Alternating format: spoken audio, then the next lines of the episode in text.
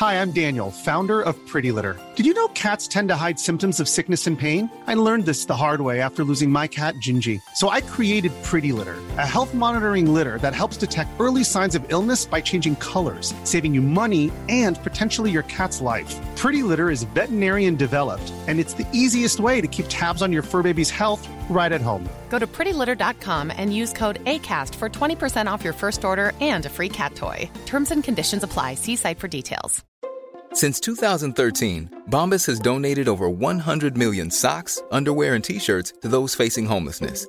If we counted those on air, this ad would last over 1,157 days. But if we counted the time it takes to make a donation possible, it would take just a few clicks. Because every time you make a purchase, Bombas donates an item to someone who needs it. Go to bombas.com slash ACAST and use code ACAST for 20% off your first purchase. That's bombas.com slash ACAST, code ACAST.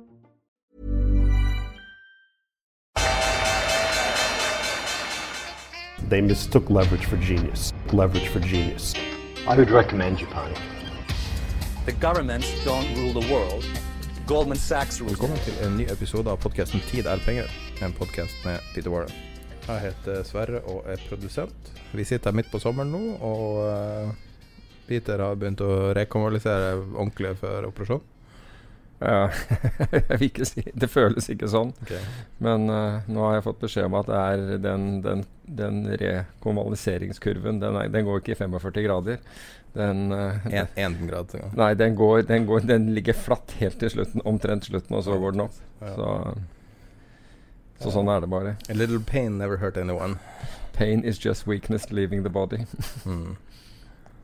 Um, du var gjest på en uh, podkast med en uh, annen nordlending. Ja, det er helt riktig.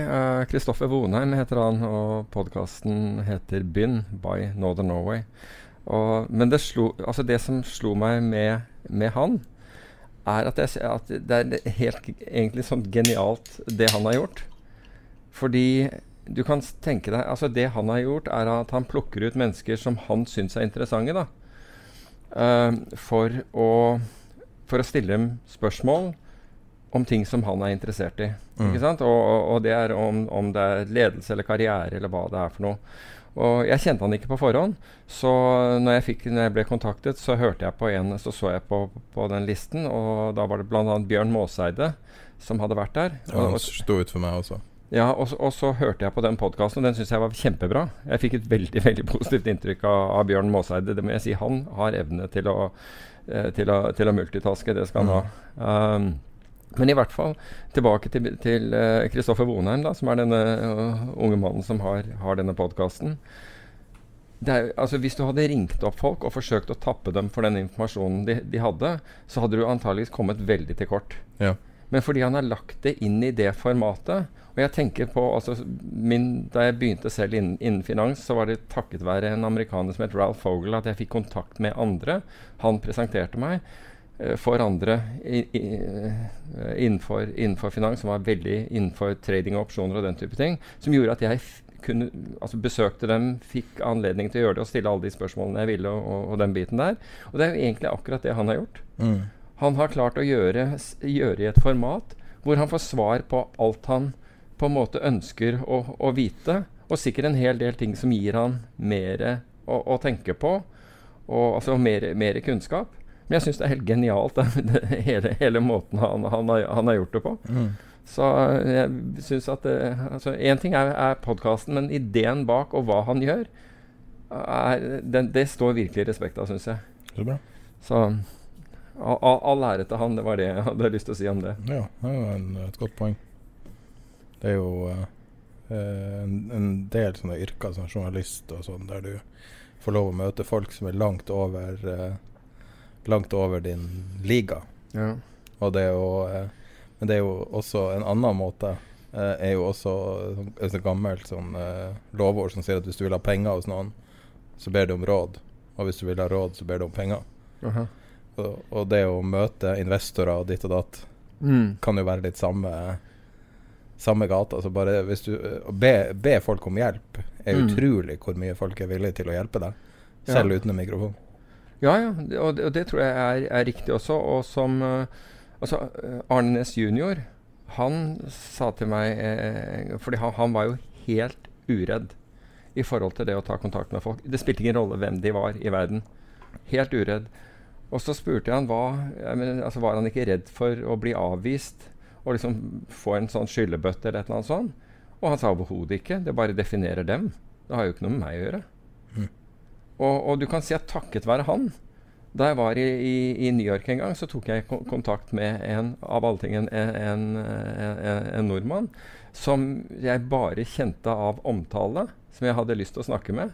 Og det var jo bare å ringe opp, og, og dagen etter så befinner jeg meg i, uh, i upstate New York hos, hos, hos, hos, Morgan Stanley og møter han. Mm. Så, så akkurat Ole Slåre? Nei. Nei.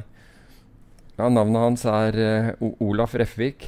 Og uh, jeg hadde hørt om han. Han var jo sjef uh, for oljetradingen i, i, Statoil.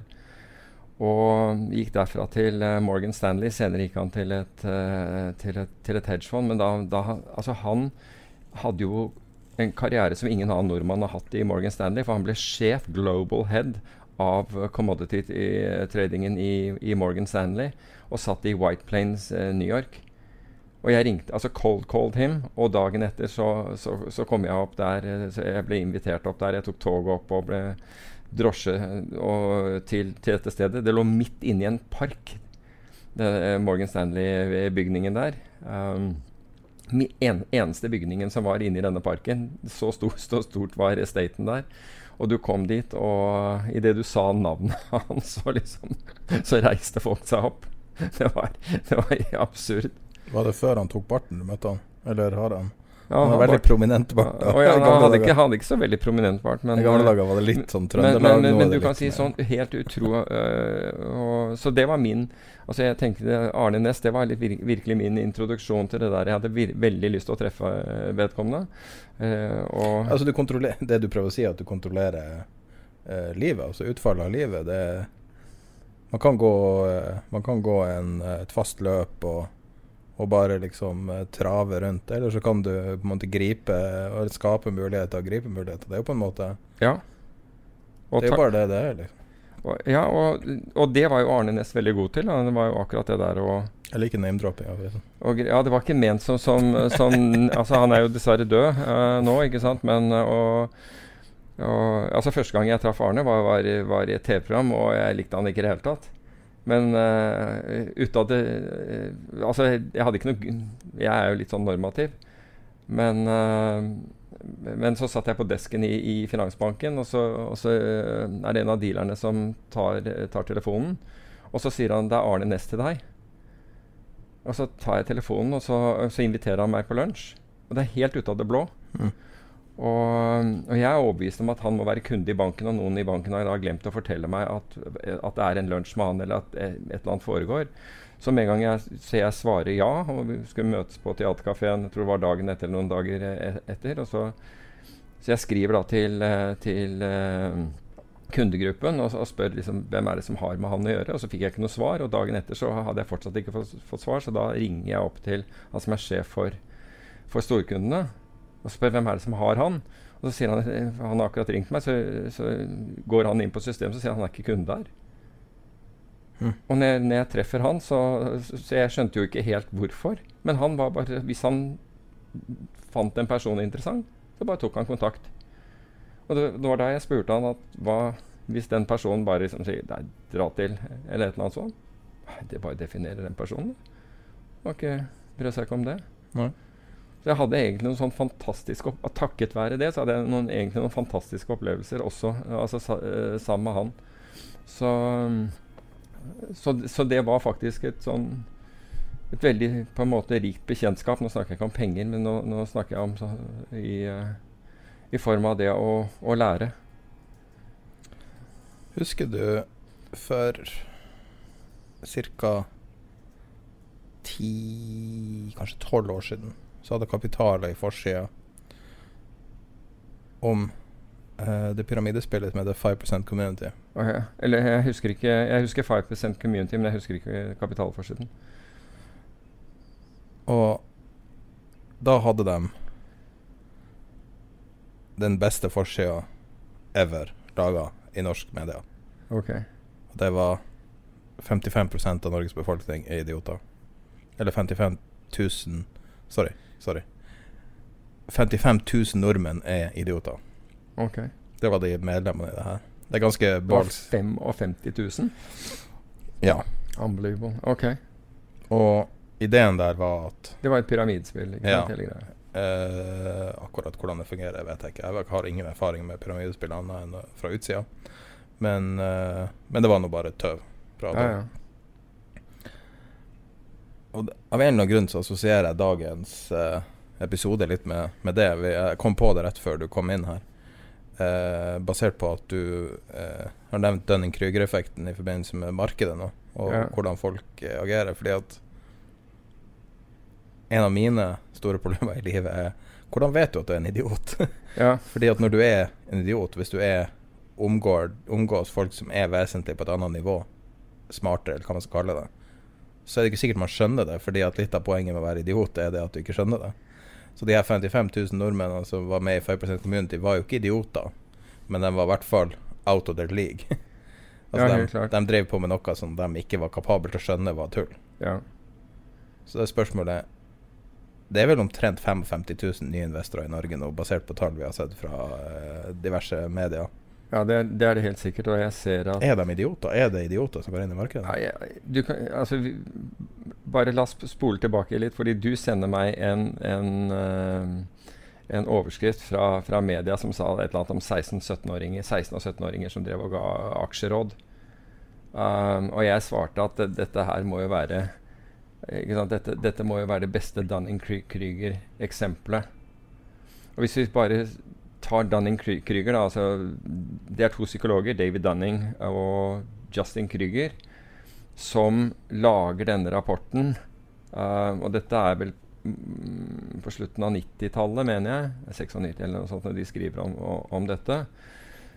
Og konklusjonen er, er, i den er at uh, altså hvis du kan lite, så, så forstår du ikke hvor li, lite du kan. Altså, eh, og, og det går jo også til dette her at eh, 80% av sjåfører eh, mener at de er over gjennomsnittet osv. Kjører bedre, bedre enn gjennomsnittet. Jeg tror 80% av Norges befolkning også tror de er smartere enn gjennomsnittet. Ja, og det, det tror jeg også er vanlig. Og det, det er en sånn Dunning-Krüger-effekt. Men de virkelig smarte de er ikke klar over at de er unike. På, og det er også en, en annen effekt av dette. Så poenget er at du overvurderer egne evner og kunnskap på basis av at du har Fordi du har veldig lite informasjon. Ja. Ikke sant? Og slik at hvis Som gjør at du igjen blir mer selvsikker.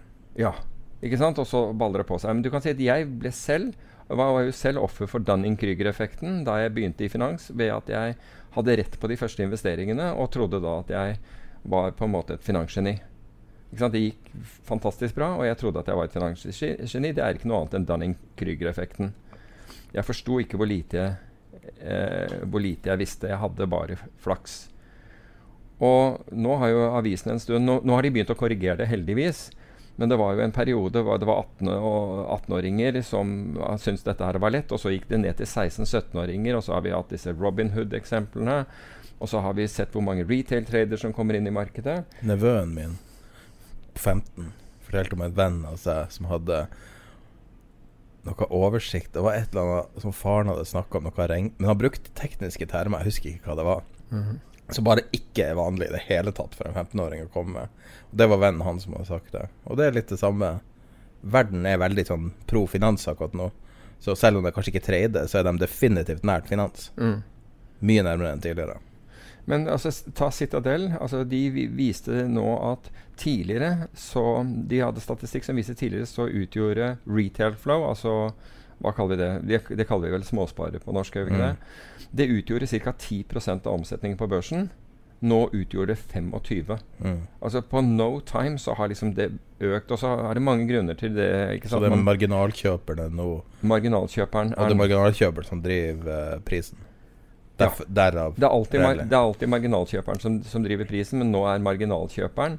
Nå er det retail-type investorer, spilleavhengig og alt det der som vi har snakket om. Så i et vakuum, hvis du tar Tesla, bare den crazigste av alle historiene den her må være forsiktig. Bare vi nevner det der, så, så Ja, ja. får folk bygger Men hvis du bare tar det uten å se på selskapet, så ser man at selskapet ligger og vaker et sted mellom 200 og 400 dollar. Der folk driver og gjør analyse av ditt og datt, og så kommer marginalkjøperen inn, Ja. som er alle er bullers. Fordi at folk kjenner Tesla og alt, alt det der, og liker, like Elon Musk, han er kjendis. Så alle kjøpere som kommer inn, selv om det ikke er så mange kjøpere, så alt som er over den vanlige flowen, vil være bullish. Og kjøpe til enhver pris. Ja. Ja, ja. Og sånn får du 1500 dollar. Ja, altså det er ganske interessant, for Financial Times har faktisk drevet og sett på, det, på, på, på tilfellet med, med Tesla. Og de overrasket ikke sant, med å selge 7650 flere biler enn en, en forventningene. ikke sant? Og så fikk du da den, en voldsom kursoppgang som følge av det. Den var faktisk så voldsom, altså den har gått mer siden, at det utgjorde 2 millioner dollar per bil. Per de 7650 bilene, ikke sant? Ok, gjennomsnitt Hør på dette, da. Altså, du, så, så aksjen stiger i været tilsvarende altså, vi, det, Dette var en overraskelse. 7650. Så, du, så, så det var 7650 ganger 2 millioner dollar selskapet går, går, stiger i, i verdi. Gjennomsnittssalgsprisen på de bilene vi snakket om, var 40 000 dollar. Så markedet betaler 2 millioner dollar mer for at per bil, som koster 40 000 dollar, og som i tillegg har tiny, tiny profittmargin på hver bil. Eh, eller ingenting. Eller ingenting. Ikke sant? Og, I snitt, så Jeg gikk jo gjennom alle marginene til Du spurte meg om det Ja. Det er noe vi kanskje skal snakke om i dag. Uh, da gikk jeg gjennom alle de forskjellige. 1 til 2 til 6 til 7 margin. Og så har du nisjemerket Ferrari som hadde 20 eller noe sånt. Ja. Uh, og Tesla har vel en negativ margin, litt avhengig av hvordan du regner. Hvis du regner på samme basis, så vil den ikke, da vil det ikke komme opp på lista engang. Mm. Og det her skal være, være verdt verdens, verdens største Vi kan komme tilbake til Tesla Ja, vi, senere. vi kan heller komme Vi tilbake til men, men, vi- hvis vi er på, på dette med Dunning-Krüger, da Og jeg så i, i en artikkel Jeg har ikke lest så mange av disse artiklene fullstendig, fordi jeg ser overskriften, og det, på en måte, det, det, holder, det, holder. Men det som er viktig her, er at hvis du er altså For det første, hvis du er 16-17 år, eller 16, 17, 18, 19 eller 20 år, spiller egentlig ingen rolle, og, og, og, og tror du skal i utgangspunktet slå aksjemarkedet, altså med andre ord du skal gjøre det bedre enn indeksene, bedre enn aksjefond eller et eller annet sånt, så, så betyr det at du tror at du skal finne disse efficiencyene. Altså at da må markedet være feilpriset. Du skal finne feilprisinger i, i, i markedet. I et marked som, hvor det er millioner, må det, må det være totalt sett, av, av analytikere. Det, da, det, det er all den datakraften du kan tenke deg på, på, på, på planeten som, som leter etter det samme. Og du i en alder av 16, 17 eller 18 skal da klare å slå alt dette her over tid. At du kan gjøre det en og annen gang. At du kan plutselig plukke en aksje. Det tror jeg er helt mulig. Det er random, det er bare, det, det er bare tilfeldig at du gjør, og veldig hyggelig om du gjør. Men hvis du Det jeg håper, er at disse har ingenting altså Alle må starte et eller annet sted, og den entusiasmen er, er fin, men det er ekstremt viktig å forstå den Dunning-Krüger-effekten, og tenke da at er det realistisk? Er det virkelig realistisk når jeg, i denne konkurransen at jeg systematisk nå kommer til å slå markedet? Eller, jeg, eller er det egentlig underholdning jeg driver med fordi jeg syns dette her er morsomt? Og, og, og det er greit nok. Tror du en person som har null erfaring med finans, forstår forskjellen på alfa og beta uten å bruke de termene? Uh, nei. Nei, det tror jeg ikke. For jeg, fordi de aller fleste forstår ikke at, at det som har skjedd nå, er egentlig tidevannet som kom inn. Altså tidevannet som er egentlig sentralbankene, de amerikanske, som dro dette her i gang. Og sprøyta inn penger og løftet, og på en måte løftet markedene. Det er det man kaller beta. Altså bare Ja, ikke sant? Så, så, markedets gang. Altså alfa er da det du Det du bidrar av mer. Det du, meravkastning ikke sant, i, i, i forhold til det. Så, så du kan si at det er du, du, det, er- det er to måter å se dette på. Og jeg tenker at de som hører dette her nå Hvis du blir fornærmet over det jeg sier, og liksom rister på hodet og mener at jeg tar feil, da vil jeg si at du har det som Carol Dweck i, i, i boken 'Mindset' kaller 'fixed mindset'. Ja. Hvis du derimot sier at OK, Cole, her er en mulighet. Jeg trenger å lære mer. Dette må jeg forstå mer om. Da har du growth mindsettet. Da har du på en måte det riktige mindsettet for, for en mulig suksess. Beste historien jeg har hørt om uh, George Soros. Eh, så hvis du er ung, så har du kanskje bare hørt om George Soros i forbindelse med konspirasjonsteorier. George Soros er kanskje en historiens topp tre beste investorer, beste tradere. Mm. Eh, mange år har verdens høyeste lønn. Eh, over en milliard dollar i lønn pga. at han Ja. eier stor del av fondet. Eh, og var veldig kjent for å da knekke Bank of England og da vedde mot pundet. Ja. Uh, som er det, vel derfor er grunnen til han har dårlig rykte, tror jeg, pga. den ene traden. Men uansett.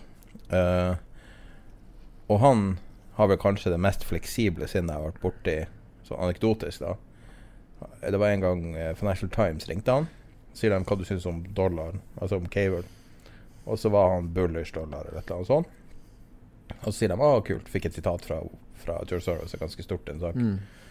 Så legger han på, og så får han en eller annen, ser han noe på skjermen, og så selger han dollar. Det er ett sekund etter FT har ringt. Mhm. Han har ikke manipulert noe. Han forandra bare mening. Mm. For han så noe som skjedde, og forandra mening. 23 timer seinere er den avisen eh, i trykken. Kanskje ett og et halvt døgn seinere leser du det i avisen og tenker «Hæ, Bullish eh, dollar. Og da har han solgt det med fortjeneste. For altså, det har skjedd så mye siden da. Fordi han tenker sånn, og Derfor tror jeg at hedgefondforvalter er så mye mer interessant enn en long only aksjefondforvalter. For en long only aksjefondforvalter han er jo på en måte litt religiøs. Han er jo avhengig av at ting skal bare stige. Ja, han, han, ser jo bare, han ser jo bare etter det. Ja, altså, du, altså Det er jo på en måte som en prest. Fordi Ja. at altså det, jo, det kommer bare Å, nå kommer, nå kommer betaen. Fordi at syvende og sist så hvis, det går, hvis masse stiger, så blir folk alle og elsker han. Hvis det bare Mm, stiger. De mm. driter i å sitte og analysere hvorfor han, hva han har gjort. Uh, mens en hedgefondforvalter måles på uh, risikojustert avkastning, i hvert fall Ja. hvis du er proffekunde. Uh, som er bare interessant. Det er bare en helt annen mennesketype som Ja, det er gjerne det. Altså, du, du, du, altså Hedgefondforvalter kan, kan ikke lene seg på betaen, kan ikke lene seg på markedet og si ja, om det var markedets feil. Eller markedet har falt. Ok.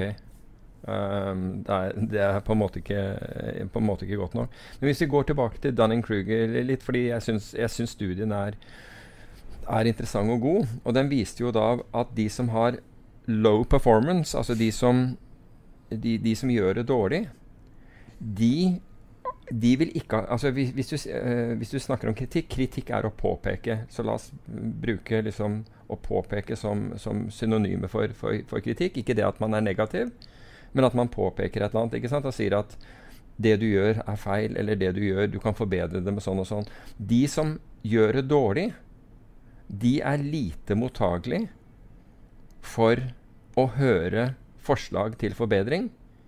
Mens de som gjør det bra, har mye større sannsynlighet for å si at 'det var interessant, la meg prøve det'. Du, og dette er egentlig hvordan hjernen vår er konstruert. altså Man må jo i mer eller mindre grad jobbe mot, mot liksom sin intuitive reaksjon på ting.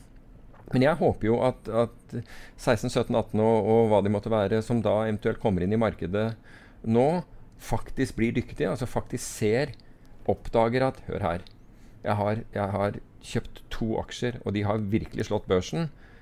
Men jeg forstår at de, at eh, de neste 200 jeg kjøper, eller de neste 20 jeg gjør, sannsynligvis ikke gjør det. Eller det skal veldig mye til. Og tenker at OK, hvordan kan jeg bli bedre?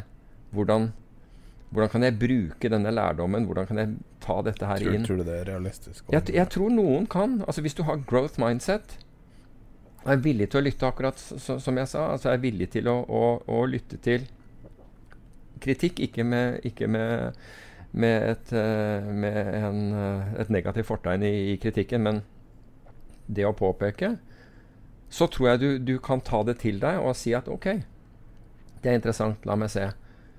Men det viser det jeg, jeg tror at liksom historien har vist at det er de færreste som har uh, som har, mulig, altså har evner til å gjøre det, men det er også de færreste som blir gode. Sånn er det i en- i sammenheng. ikke sant? Altså Hadde alle blitt gode, så hadde det blitt gjennomsnittet. Mm. Ikke sant? Så det er de som gjør det over gjennomsnittet, som på en måte De, de, må, de, de, de må per definisjon være en liten andel. Ellers så ville de vært gjennomsnittet. Nei, men det er rart det der med, med suksess i finans, altså. Det, det, det, er så mange, det er så mange biaser også, for du har uh, Du har survival bias også. Ja, recency bias er, er jo kanskje en av de største nå. Jo, men tenk deg Hvis du ser på hvem som lykkes Så survival biasen Ja. Det at, at du lykkes på å være drittsekk, og skal alle være drittsekk, liksom. Ja, Altså, det er ganske mange faktorer som spiller inn ja, på hvorfor folk får det til. Ja, absolutt. Og det har med personlighet og, og, og ve veldig mye sånn å gjøre også. Så, Men i mange La oss si La oss ta noe så dumt som podkast, da. En av grunnene til at folk lykkes Det er to grunner til at folk lykkes virkelig i podkaster, tror jeg. Det ene er at du var knall tidlig. At du var når det var veldig lite konkurranse, sånn Mm. at du fikk et utrolig stort embedda publikum i starten. mm, Og så kom økonomien ti år senere, og da er du der, liksom. Så blir du rik på det. Eh, sånn som vi nå har sett med Joe Rogan, som fikk en milliard eh, kroner for noen måneder med lisensiering av innhold. det er helt utrolig. Eh, ja, det er helt utrolig. og, eh, eh, og det andre er at du, at du er en stayer. Ja. Det er veldig få som er en suksess i podcaster, som ikke har holdt på i god stund. Altså det er Én ting er bare å være tidlig ute, da må du ha flaks. Da er det pyramidespill. Du må bare kjøpe først. Det er mest flaks, egentlig, å, å vedde på riktig trend. ja. Men å da være en stayer For altså, Det er ingen som får det til på kort sikt. Du må holde på en stund. Ja. Det, det er et forhold. Men jeg tror, det, altså, jeg tror jo at det er noen som kan få det til på kort sikt også, hvis de får nok reklame rundt det. Altså, jeg, jeg Tror på- ikke det. Ja, Jeg, jeg vet ikke noen Jeg har ikke hørt om noen eksempler Ok, på det. jeg, jeg kan ta feil på det, men jeg, jeg tenker det- Jeg hørte Da er det gjerne knytta til en annen ja, men jeg drev, altså. kjørte bil her forleden og hadde på NRK, og, og der reklamerte man for en, en serie podkaster. Jo, men det er jo Tore NRK. Sagen ja, det er jo. NRK. Jo, jo, men Altså, du må ekskludere mediekanalene. Ja, ja, men det er, det er Tore Sagens podkast og alt, men det er klart at du får medvind hvis du får podkasten din broadcast Jo, jo, selvfølgelig. Men nå, i nå beste det sendetid på NRK. Jeg, Det var det jeg mente, var at egenskapene var, var det jeg tenkte på. Ok. Så Overførbare egenskaper. da Ja. Hvorfor lykkes man som investor? Det var Mm. det jeg mente. Mm. Tok jeg bare det dummeste eksempelet, som er en podkast, det enkleste markedet, på en måte. Det har jo veldig lite penger i det, og, Mm. og det er et enkelt Si det til Joe Rogan. Ja, ja, men pga. sånn som han, så, så får jo da store selskaper øynene opp og alt sånt. Ja. Men du har jo fortsatt masse strukturelle problemer som gjør at det er lite penger. Mm. Men, men det var et greit eksempel siden vi sitter og snakker i en podkast, var det jeg mente. Mm. Uh, og at det er egentlig relativt få ting, men det å bare fortsette er en veldig viktig egenskap, og bare ikke stoppe. Ja. Se på folk som har suksessfulle forretninger. Og snakker jeg ikke om dem som er i avisa, men dem som har to til tre millioner i inntekt på, på en liten business de har. Og de bare fortsetter og fortsetter og fortsetter. Det er jo ingen som skriver en historie om dem. De får ikke noe, det er ingen som eh, står og holder tale om dem. Mm. Men det er jo, det er jo virkelig en virkelig skill å bare ikke stoppe. Ja. Stopp og bytte retning, stopp og bytte retning. Det er det veldig mange gjør. Mm. Så jeg tror i, i uh, innen investorer Du hadde jo lyst til å ta opp en sånn. Jeg Ja, men jeg, jeg kunne godt tenke meg å ta i, eh, i forbindelse med Dunning-Kruger, for der her er det en interessant sak. Fordi jeg har sett på, på Discord, den chat-kanalen vår, ja. så, det jo, så snakkes det veldig mye om edelmetaller, annet. Det er gull og sølv og, for, og, og andre edelmetaller. Og så ser de at de andre edelmetallene er eh, lagger gull, at gull har steget mer. og gull Gull over 1800. over 1800 og, og den biten her har vel vært oppe i 1830 eller et eller annet sånt. Men, men poenget her er at det er ingen som har fått med seg en av årsakene til at gull har gått fra sølv, platinum og, og andre edelmetaller. Og det er at gull betraktes som en Basel 1-asset, og, og, og fikk Å, ja. fornyet sin status som det. Det betyr at fysisk gull eiet av banker får samme vekt som statsobligasjoner. Mm. Så det er en betydelig forskjell, mens de andre edelmetallene har det ikke. Blir det tier 1-kapital, da? Ja. Mm. Men, mens, mens, de andre, mens de andre ikke har det. ikke sant? Altså De andre, de andre edelmetallene har ikke den, den statusen, for de er altfor Så da kan man jo på en måte oppgradere, for du har jo den, industrielle bruken av gull som er bare 20% eller Ja. noe sånt. Da kan man jo på en måte oppgradere det hvis det kan brukes som en uh, uh, Altså hvis det er lik som penger. Ja, Hvis det, det, det, det. ja ikke sant? Det, er- det, det er en cash equivalent. da en cash equivalent, ikke sant? eller samme som, som, som statsobligasjoner. Og det forandrer jo på en måte Ikke en statsobligasjon cash equivalent. Jo. For det, det kan omsettes så fort. Ja, avhengig av, avhengig av ratingen på statsobligasjonen. ikke sant? For en statsobligasjon er ikke en statsobligasjon. Ja. Uh, men, uh, Men, og, og, det forbaus, og apropos Danning Krüger, så har det forbauset meg at ingen, ingen har nevnt det i, i, i, den, i, den, debatten som jeg har sett har gått frem og tilbake. Det er ingen som har påpekt den forskjellen. Ingen har gjort det. Og det er litt sånn Dunning-Krüger. Du vet ikke hva du ikke vet. Nei, altså det, det best, uh, Hvis man kommer til det, da, så hvis du skal virkelig gå den veien, så er det jo uh, den der talen til han uh, Don Ronsfeld. Å oh, ja. ja. The known knowns? Altså det, Der snakker du trading komprimert ned til noen få setninger. ja. Som han ble så latterliggjort for. There are things that we know. That we don't know, ja. There are things that we know we don't know. Ja. And there are things that we don't know we don't know. Det høres så banalt ut. Ja. men, men den er veldig god. Altså, og, og, nettopp derfor er jo også etterretning en så naturlig kobling til, ja. til finans. Ja. Fordi at med etterretning så har du masse, masse begrensa informasjon. Men det har du også når du er næringsdrivende. Sånn at det er mange koblinger man kan gjøre over de her linjene. Vi har alltid en hel, en hel faktorer vi vi ikke vet.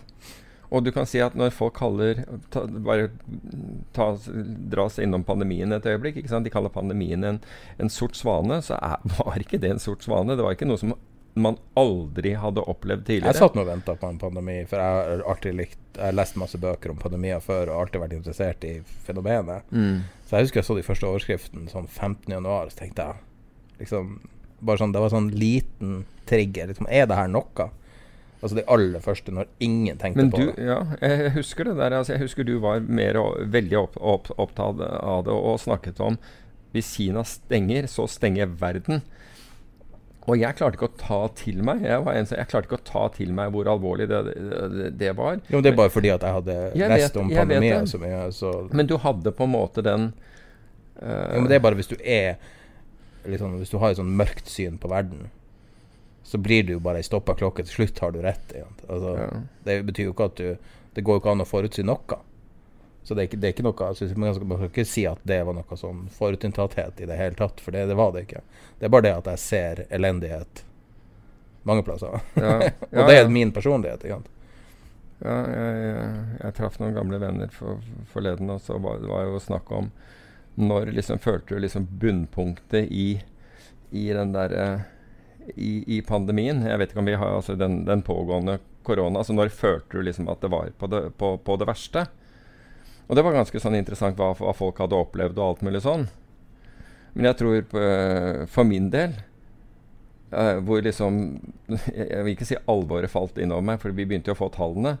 Men jeg må innrømme, da, da, da Petter Stordalen stilte i NRK uh, kledd ut som uh, Eirik Jensen istedenfor i, i, i admiralsuniform og alt det andre, og snakket med helt monoton stemme, da skjønte du at, ting var alvor, at det var alvor her ute. Altså. Men dere hadde en samtale. Når visste du Altså, det her spiker jo fortsatt, men bare ikke i Norge? Ja, ja, for all del. Altså, jeg, og det er jo akkurat det de gjør. Altså, det er jo flere som blir smittet nå enn noen gang, og i USA så er det verre enn noen gang. Så, sånn. Ja, ja, absolutt. Så, så men, men, det er litt sånn der Når følte folk at ting var som verst? Ja, men det er 200 Det er kvart million om dagen. Ja, ikke sant? Det er, det er helt in insane. Men du, du, kan se allikevel, fordi Jeg prøver ikke å være besserwisser, men altså, nei, vi er midt i det. nei, men Jeg er helt enig med deg, men, ikke, men, men folk har ikke den opplevelsen av det som de hadde på Altså som de hadde da for ja, hva da, kanskje to måneder siden. De har jo ikke den opplevelsen Nei, nå. Jeg husker når jeg dro på polet. Den første dagen altså man torde nesten å gå ut. Jeg hadde vært i karantene og sånn. Hvordan du så på andre mennesker. Ja, det var en helt syk følelse, altså. Jeg, jeg hvor, tok, tok, hvor, giftig alle virka. Ja, ja, ja. Jeg husker det var som en annen sa at, uh, som hadde var det hostet eller nyst på bussen og trodde at uh, vi, trodde vi ville bli drept for å ha gjort det. liksom. Ja, ja. Det var liksom alle Jeg har lært meg å svelge hoste nå. Okay. Jeg kan ikke, altså det, men, hoste det sitter langt i det. Men poenget er at greia altså fordi vi har åpnet opp, og nå er det snakk om å reise. Det er, rart, det er jo egentlig rart at vi åpner opp samtidig som antall smittetilfeller akselererer sånn som de gjør, men allikevel åpner vi opp. Jeg syns det er utrolig rasjonelt. Rasjonelt at vi åpner opp? Ja. Fordi at det er jo Du må jo kan, Altså, det blir jo som Altså, det er jo i USA, og det er i Brasil. Ja. Så de landene Det er ikke bare i USA og Brasil det øker? Primært. Ja, men det har økt i Europa også. Det har økt i Spania, mente jeg. Men skal se på tallene. Og, og, og dit drar vi. Men, uh, men, poenget er at det er jo Jeg syns det er veldig fornuftig å klare å være pragmatisk og ikke være hysterisk. Ja, men- hvis man begynner å være hysterisk, når kan du slutte å være hysterisk? da? Men mener du at vi var hysteriske i første omgang da, eller hva? Jeg syns det var helt Jeg synes det var noe så sjelden som en riktig reagert Alt er gjort riktig. Ok. Ja, det bør meg. Hva du ja. syns Ja, nei, jeg syns, jeg syns også at man reagerte riktig. Jeg stiller mer spørsmål nå ved at man skal tvangsåpne, eller eh, som, som Trump vil gjøre med skoler, til tross for at det dundrer og går, altså i, i antall nye Hva du smittede. syns om Altså den symbolikken med at han går med maske. Oh my god, den er stor.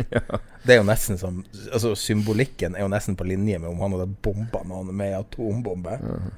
Ja, det, det var i gå, går for og, backtra og backtracke på den, Ja. som er en helt idiotisk eh, hill og, og, og altså, eh, bakketopp å dø på. Helt idiotisk bakketopp.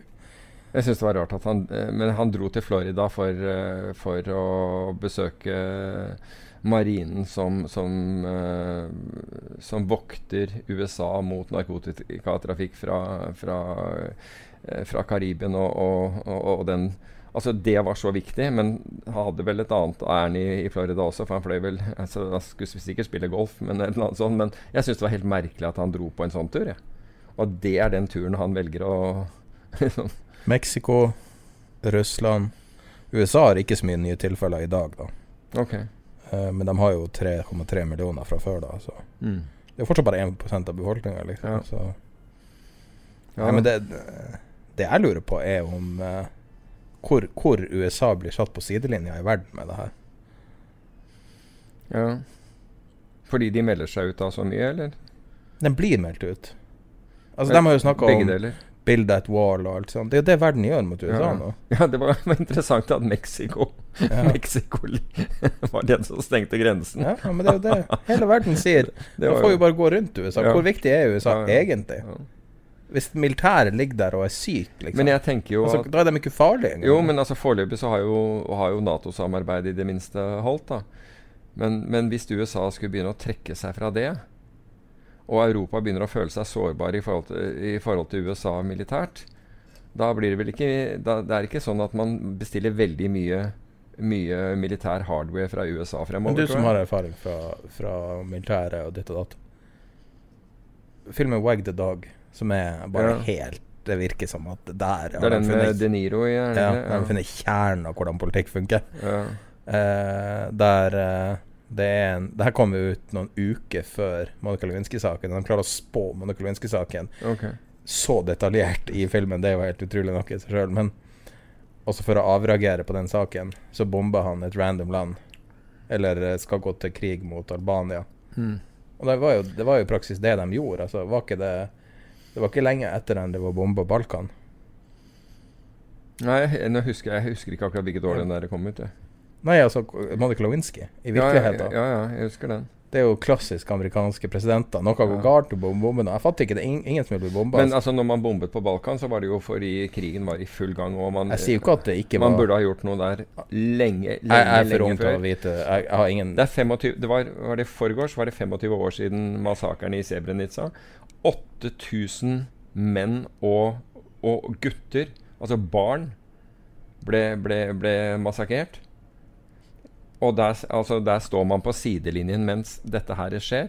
Mm. Det er helt ufattelig. Det er like uf Altså, det er nesten mer Den er nesten mer ufattelig, men at det eh, gjentar seg i Jemen i dag Nå skal jeg ikke gå helt Nå skal jeg ikke rante fullstendig her, men Jemen er jo en, en, en katast et katastrofeområde på alle, på alle felt. Og hva brukes Jemen til? Jo, det brukes som et, en, eh, et forsøksområde for nye våpen. Og da snakker jeg om Saudi. Altså, det er jo ingen som ikke bomber i Jemen. Jeg trodde det var bare Saudi. Nei, nei, nei. nei. Flere afrikanske land flyr opp der for å, for å teste våpen. Jeg tuller hva er ISIS-K? Corazon. ISIS-K er i Aldri hørt det før du du sa det. Å oh, ja. Det er eh, ISIS Corazon. Det er, den der, afrikanske ISIS. Ja, eller den som også dekker Afghanistan. Og store områder der. Så er ISIS like stor som, eh, Ja, så, så, som den var på toppen? Nei, nei, nei. nei, nei. Okay. nei, nei, nei. De har ikke men de, er, men de er fortsatt aktive. Altså, de har jo Men de har ikke ressursene som de hadde da, pengene? nei, ikke, de er jo ikke i, i Altså, det fins sikkert noen igjen i Syria, men det er ikke av noen betydning, og heller ikke i Irak. Men de har trukket seg over til Nord-Afrika. Og, og befinner seg også i, eh, i, eh, Jemen, selv om ikke Og nå er liksom rebranda til ISIS-K? Ja, det er, det er den, det er den Så ISIS, det originale, det er bort, originale er borte?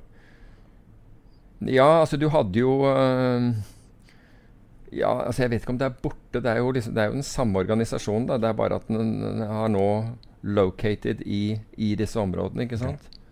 Så i Men Nord-Afrika Boko Haram og sånn, er ISIS skal Nei, de er selvstendige grupper, men, de, men du kan si at i noen tilfeller så jobber de sammen. I, i Afghanistan så, er jo ikke, så jobber jo ikke Taliban og ISIS sammen. Nei. Der er de faktisk fiender. Ja. Um, så, så, så det er litt etter hvor, hvor du befinner deg i, i verden. Men, men organisasjonen er, det er ikke over med den, selv om man har, man har lykkes. Jeg tenkte bare for å jazze opp noe ny faenskap. Oh, ja, sånn, ja. Forrige gang så var det de her eh, merkelige eh, isotopene som kom fra Russland. Å ja. Mm. Ikke hørt noe mer siden. Nei, men, eh, ingenting. Men nå var det jo noen noe eksplosjoner i eh, Iran i går. Var det ikke det i noe, eh, noe Sist har vært hver dag. kjernefysiske anlegg eller, noe, ja. eller noe sånt noe? Men, men jeg hørte aldri Jesus Men altså, jeg, jeg så en rapport, det var det Reuters Var det en ny sånn akselerator? Ja. Nei, da, ja, der var det noen sånne der uforklarlige eksplosjoner og, og sånn. Og så var det noen jeg, jeg snakket om som mente at det der var bombing. Men jeg prøvde å se på nyhetene. Jeg har ikke sett noe om noen oppfølger om, om det. Så, så hva som faktisk skjedde der, vet jeg ikke. Men, men tilbake til altså Jemen Jeg er begynte å løpe i på Le Byrå med en gang. Oh, ja, men Jeg ser for meg han der karen sitter og sender SMS på do, og så er det sikkerhetsavdelinga plukker opp signaler. Herregud, så skummelt. Ja. men, men ta, ta Jemen er, er liksom det er, det er virkelig the forgotten nation. Ingen bryr seg. De har jo ingen uh, naturressurser, de har ikke noe olje. Det er ingenting som noen bryr seg om. Og dermed så er det ingen Altså Ingen bryr seg om hva som skjer med menneskene i det landet her. Og det flat... Og det, altså, det bombes så, så, som et sånn forsøksområde for, for, for, for munitions.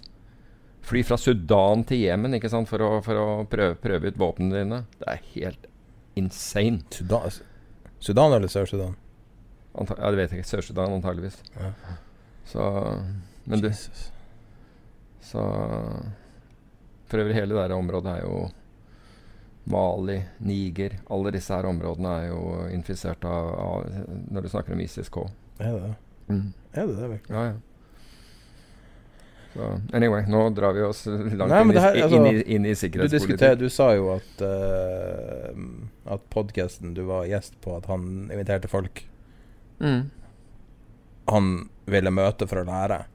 Ja, Denne altså, det- podkasten, ja. Mm. egentlig, når, jeg, når vi snakka om det første gangen, og vi har liksom snakka om hva den er, og du har vært liksom eh, Når vi har snakka om liksom om man Ja, er det finans? Må man ha et sånn register over hva man skal snakke om? Følge skjematisk det man har tenkt å snakke om, versus hva man gjør. Uh, mitt syn har jo alltid vært at, at ditt syn på verden er podkasten. Samme hva Mm. det er for noe. Ok. Så om det er Jemen, så tror jeg jeg vil høre på, mm. og, og da tror jeg de fleste vil høre på. Jeg, for jeg må høre to ganger ofte. Eh, så da burde det vært litt interessant, mm. det du sier. For jeg må høre på igjen når jeg klipper. Altså den der sultkatastrofen altså den, altså de, de har jo ikke Det fins jo ikke mat. Altså, er, altså den, den uh, humanitære katastrofen er det man bruker som uttrykk, som er i Jemen altså, den, den blir nok nevnt nå og da, men den altså, er, Jeg har inntrykk av at Who cares? jeg?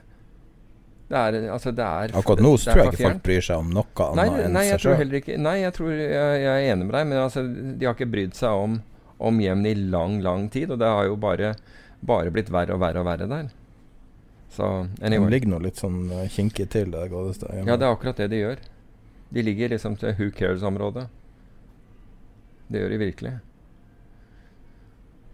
Så har jo noen naboer, men altså Oman, den grensen er jo antageligvis ja, du, du kommer sikkert over der, men, uh, men Oman er vel en av de få som ikke plager dem, tror jeg. Lang grense til Saudi. Ja. Da kan man ikke si at de ikke blir plaget. Fra. Svømme over til Somalia. Eritrea. Lykke til. Djibu- Djibouti. Ja, den, se på et kart.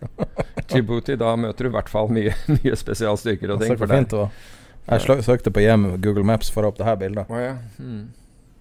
Det der må være Det er Dofar eller noe sånt. Det. Ja, det er står Yasso Hero. Jeg vet okay. ikke. Kanskje det er han som har tatt bildet. Ja, det er mulig.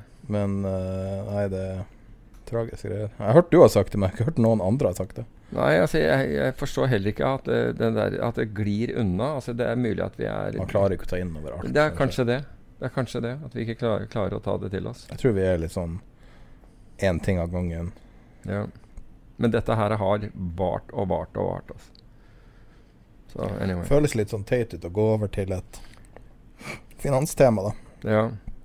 ja, vi var jo den derre Vi har jo den Ja, den, ja. Mm. Vi kan snakke om Tesla, da. Herregud, for et selskap. Ja, vi var- vi Men vi var- kan snakke om hvorfor vi, har, hvorfor vi begynte å diskutere det denne uka. Ja. Jeg har ikke fulgt med Tesla-kursen. En eneste nyhet, ingenting. Jeg tror ikke du heller har fulgt med noe. Nei, jeg, jeg ser den hver dag, men jeg, altså, jeg har ikke noen emosjoner på en måte Nei. knyttet til det. Men vi, vi ser jo Altså begge er jo eh, sannsynligvis litt negativt ladd til prising av det her selskapet. Ja, og jeg Det er verdens mest verdifulle bilselskap med god margin. ja, og, jeg, og, og, og poenget Ja, det, er, akkurat altså det, det var jo forleden det hvor det ble verdens mest uh, verdifulle Altså eh, market cap, market cap er den største av alle disse bilprodusentene. Og på den passerte Toyota den dagen hvor den nådde opp i 205 milliarder dollar. Og den, nå er den jo vesentlig høyere, for den er jo fortsatt 250, tror jeg. ja, forts fortsatt eh, å, å stige. Men poenget er at akkurat når det gjelder Tesla, så er det jo sånn at eh, det virker sånn Da er du enten for eller imot, og du kan ikke være en av de. Og eh, du kan ikke være begge deler. Og Det er en kult. Jeg, satte på Ja, det er, Begge det veier er, er en kult. det er, det er en kult, men Shortene er like mye en kult. ja, ja, men, ja, jeg tror også det. Men jeg satte et chart Jeg satte et chart av Tesla og, den, og short-interessen i Tesla fra Bloomberg på, på Facebook-gruppen vår. Og da er det liksom folk som sier jeg, jeg, jeg er enig med deg i mye, men her er jeg helt uenig med deg.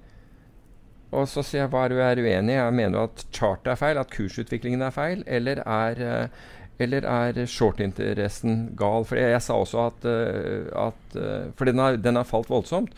Og jeg sa også at det har vært en stor widowmaker for de som har vært shorte. Og det har den utvilsomt vært. Altså shorterne Jeg så DN skrive noe om det, hvor mange milliarder de som har vært short Ja, det er jo vanskelig Tesla å regne på. Jeg vet. har tapt. Men, eh, men poenget er at man Sånn har tapt mye. typisk CNBC-utregning. Jo, men, men, men poenget mitt er Men folk har tapt og tapt og tapt. Tapt og tapt. Så jeg, så jeg tenkte at hva er det man er uenig i?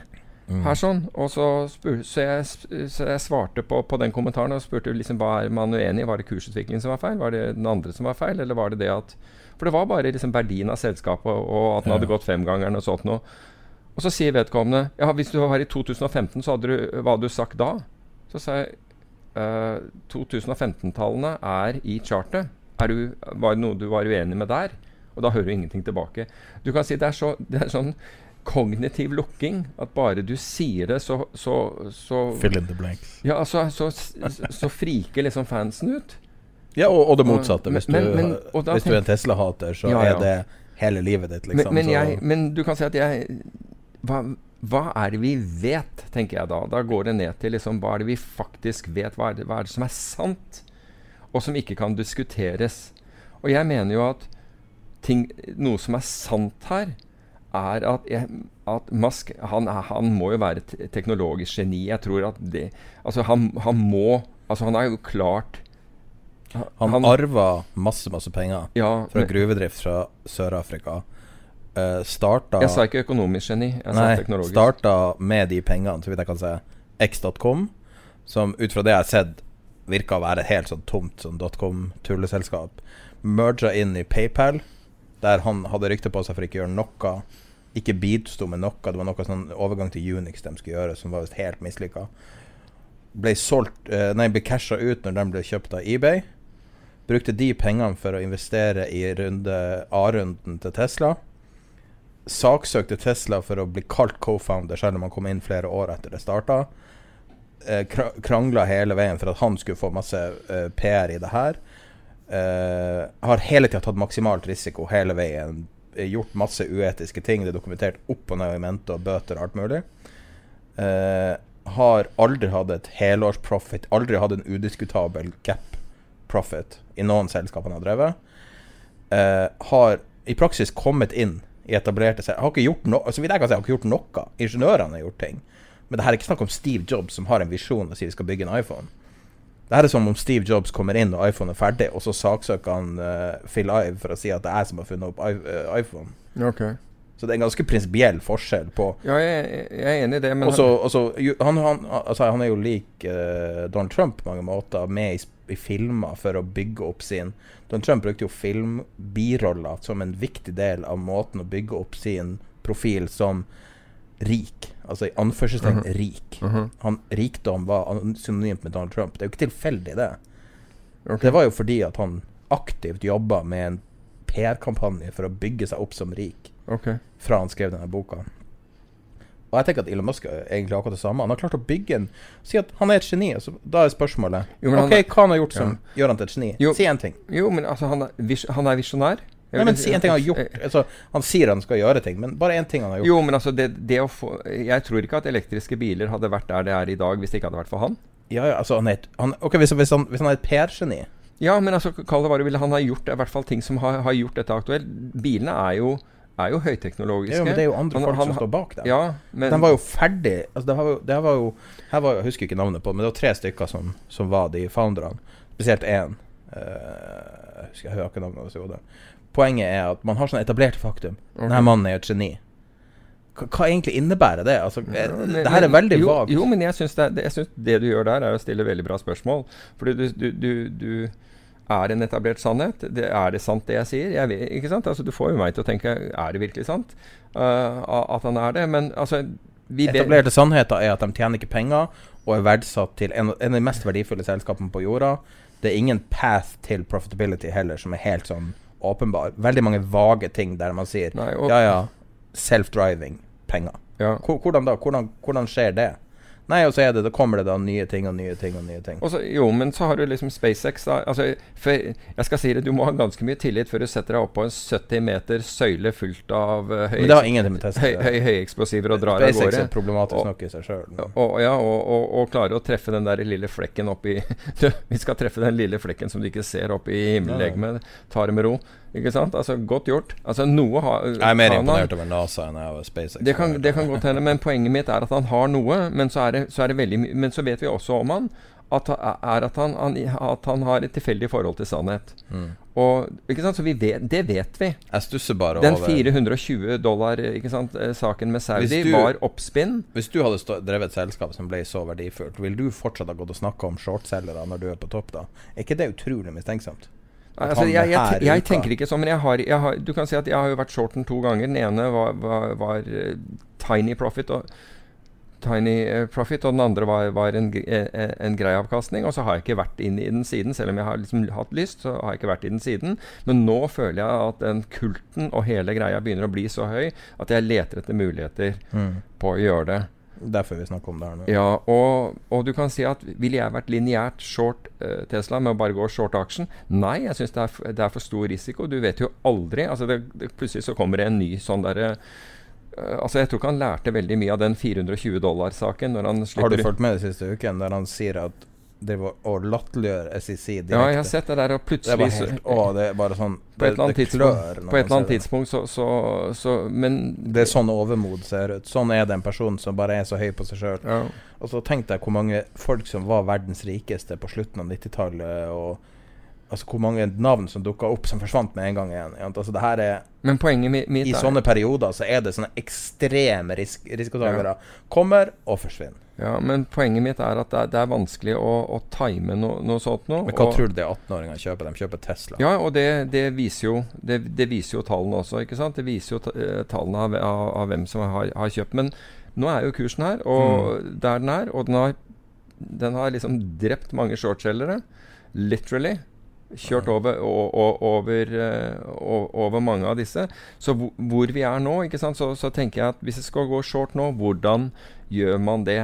Og da så jeg bl.a. på ok, Toyota er da nå det nest mest eh, nest høyeste verdsatte selskapet, og det tjener penger, kunne jeg da ta og shorte øh, Toyota salgsopsjoner og bruke det for å finansiere Teslas salgsopsjoner. Mhm. Problemet der er at Toyota salgsopsjoner de handler til 20, litt over 20% volatilitet. Og Tesla må du betale mellom 90 og 100% volatilitet. Ikke sant? For den, den svinger så mye. Den, altså, alle skjønner usikkerheten i, i Tesla. Så det er vanskelig fordi dette tilbake til hvordan jeg håndterte Men Kan du forklare litt mer før du gjør det, hvorfor du vil bruke dem som en hedge? Nei, ja, altså Ideen kom fordi dette er litt likt det jeg gjorde i, i da dotcom tok av i, i 2000. For der registrerte jeg også at folk ble mm, Altså folk ble drept for å være short for tidlig. Og Longa var religiøs, plutselig. Ja, ikke sant. Så, så, du kan si at jeg, jeg, trodde ikke at dette ville gå. Jeg hadde ingen tro på det. Jeg trodde at økonomi På et eller annet tidspunkt så må selskapsverdien forsvares med reell økonomi. Jeg trodde ikke at det var en ny økonomi og en gammel økonomi. Jeg trodde økonomi er lik økonomi. Det var liksom hele greia. Så det jeg gjorde da, var at jeg kjøpte salgsopsjoner på SMP, unnskyld, på, på Nasdaq. Og så utstedte jeg salgsopsjoner, begge var out of the money, på SMP 500. Fordi med, med, med tanke på at, at, at hvis uh, vi, Altså, jeg kunne tape da penger på, på det hvis hvis eh, teknologi fortsatte oppover, og den virkelige økonomien begynte, og, og begynte å falle. Og jeg, For meg så var det et lite sannsynlig scenario at den virkelige økonomien ville falle sammen, mens den, den, den, den fantasiøkonomien fortsatte å stige. En eller annen ville, ville ta det til seg. I, det, i, år, I, år, vil jo den strategien ha tapt penger. Uh, ja, vi, ja, ja, hvis du hadde gjort det da. Men, du, men, det vet du ikke, fordi nå er vi der hvor liksom jeg, vil, jeg, begynner å tenke på, på den okay. måten. Så du, så du, kan si at Og den gangen så, så, klarte, klarte, jeg å gjøre det, men da var det ikke volatilitetsforskjellen sånn som den er. ikke sant? Det er ikke 20% volatilitet på, på, på, på SMP og 90 på Nasdaq, ikke sant? Eller den gangen. Så det er mer krevende å gjøre det nå. Har jeg funnet ut. Du må finne en annen proxy. Du må si at OK, jeg skjønner at den kan fortsette å stige. Jeg har lyst til å ha salgsopsjoner. Men kjøper du salgsopsjoner til 90% volatilitet, så er det veldig, da er det ganske mye premie du betaler. Så, og da er du time sensitive. ikke sant? Altså, ja. Du kan ikke drive og gjenta det veddemålet. Altså det, det, som, det, som, var bra med det jeg gjorde i, i 2000, det var jo at hvis jeg tok feil på timingen, og markedet steg videre, altså forutsatt at SMP ikke kollapset samtidig, markedet steg videre, så fort de opsjonene forfalt, så kunne jeg gjøre, kunne jeg gjøre den samme strategien på nytt med høyere streiker. Mm. Bare flytte den oppover. Av en eller annen grunn så, så eller Jeg var heldig, for jeg slapp det, fordi den, den, den, virket bare uker etter at jeg hadde eh, satt den på.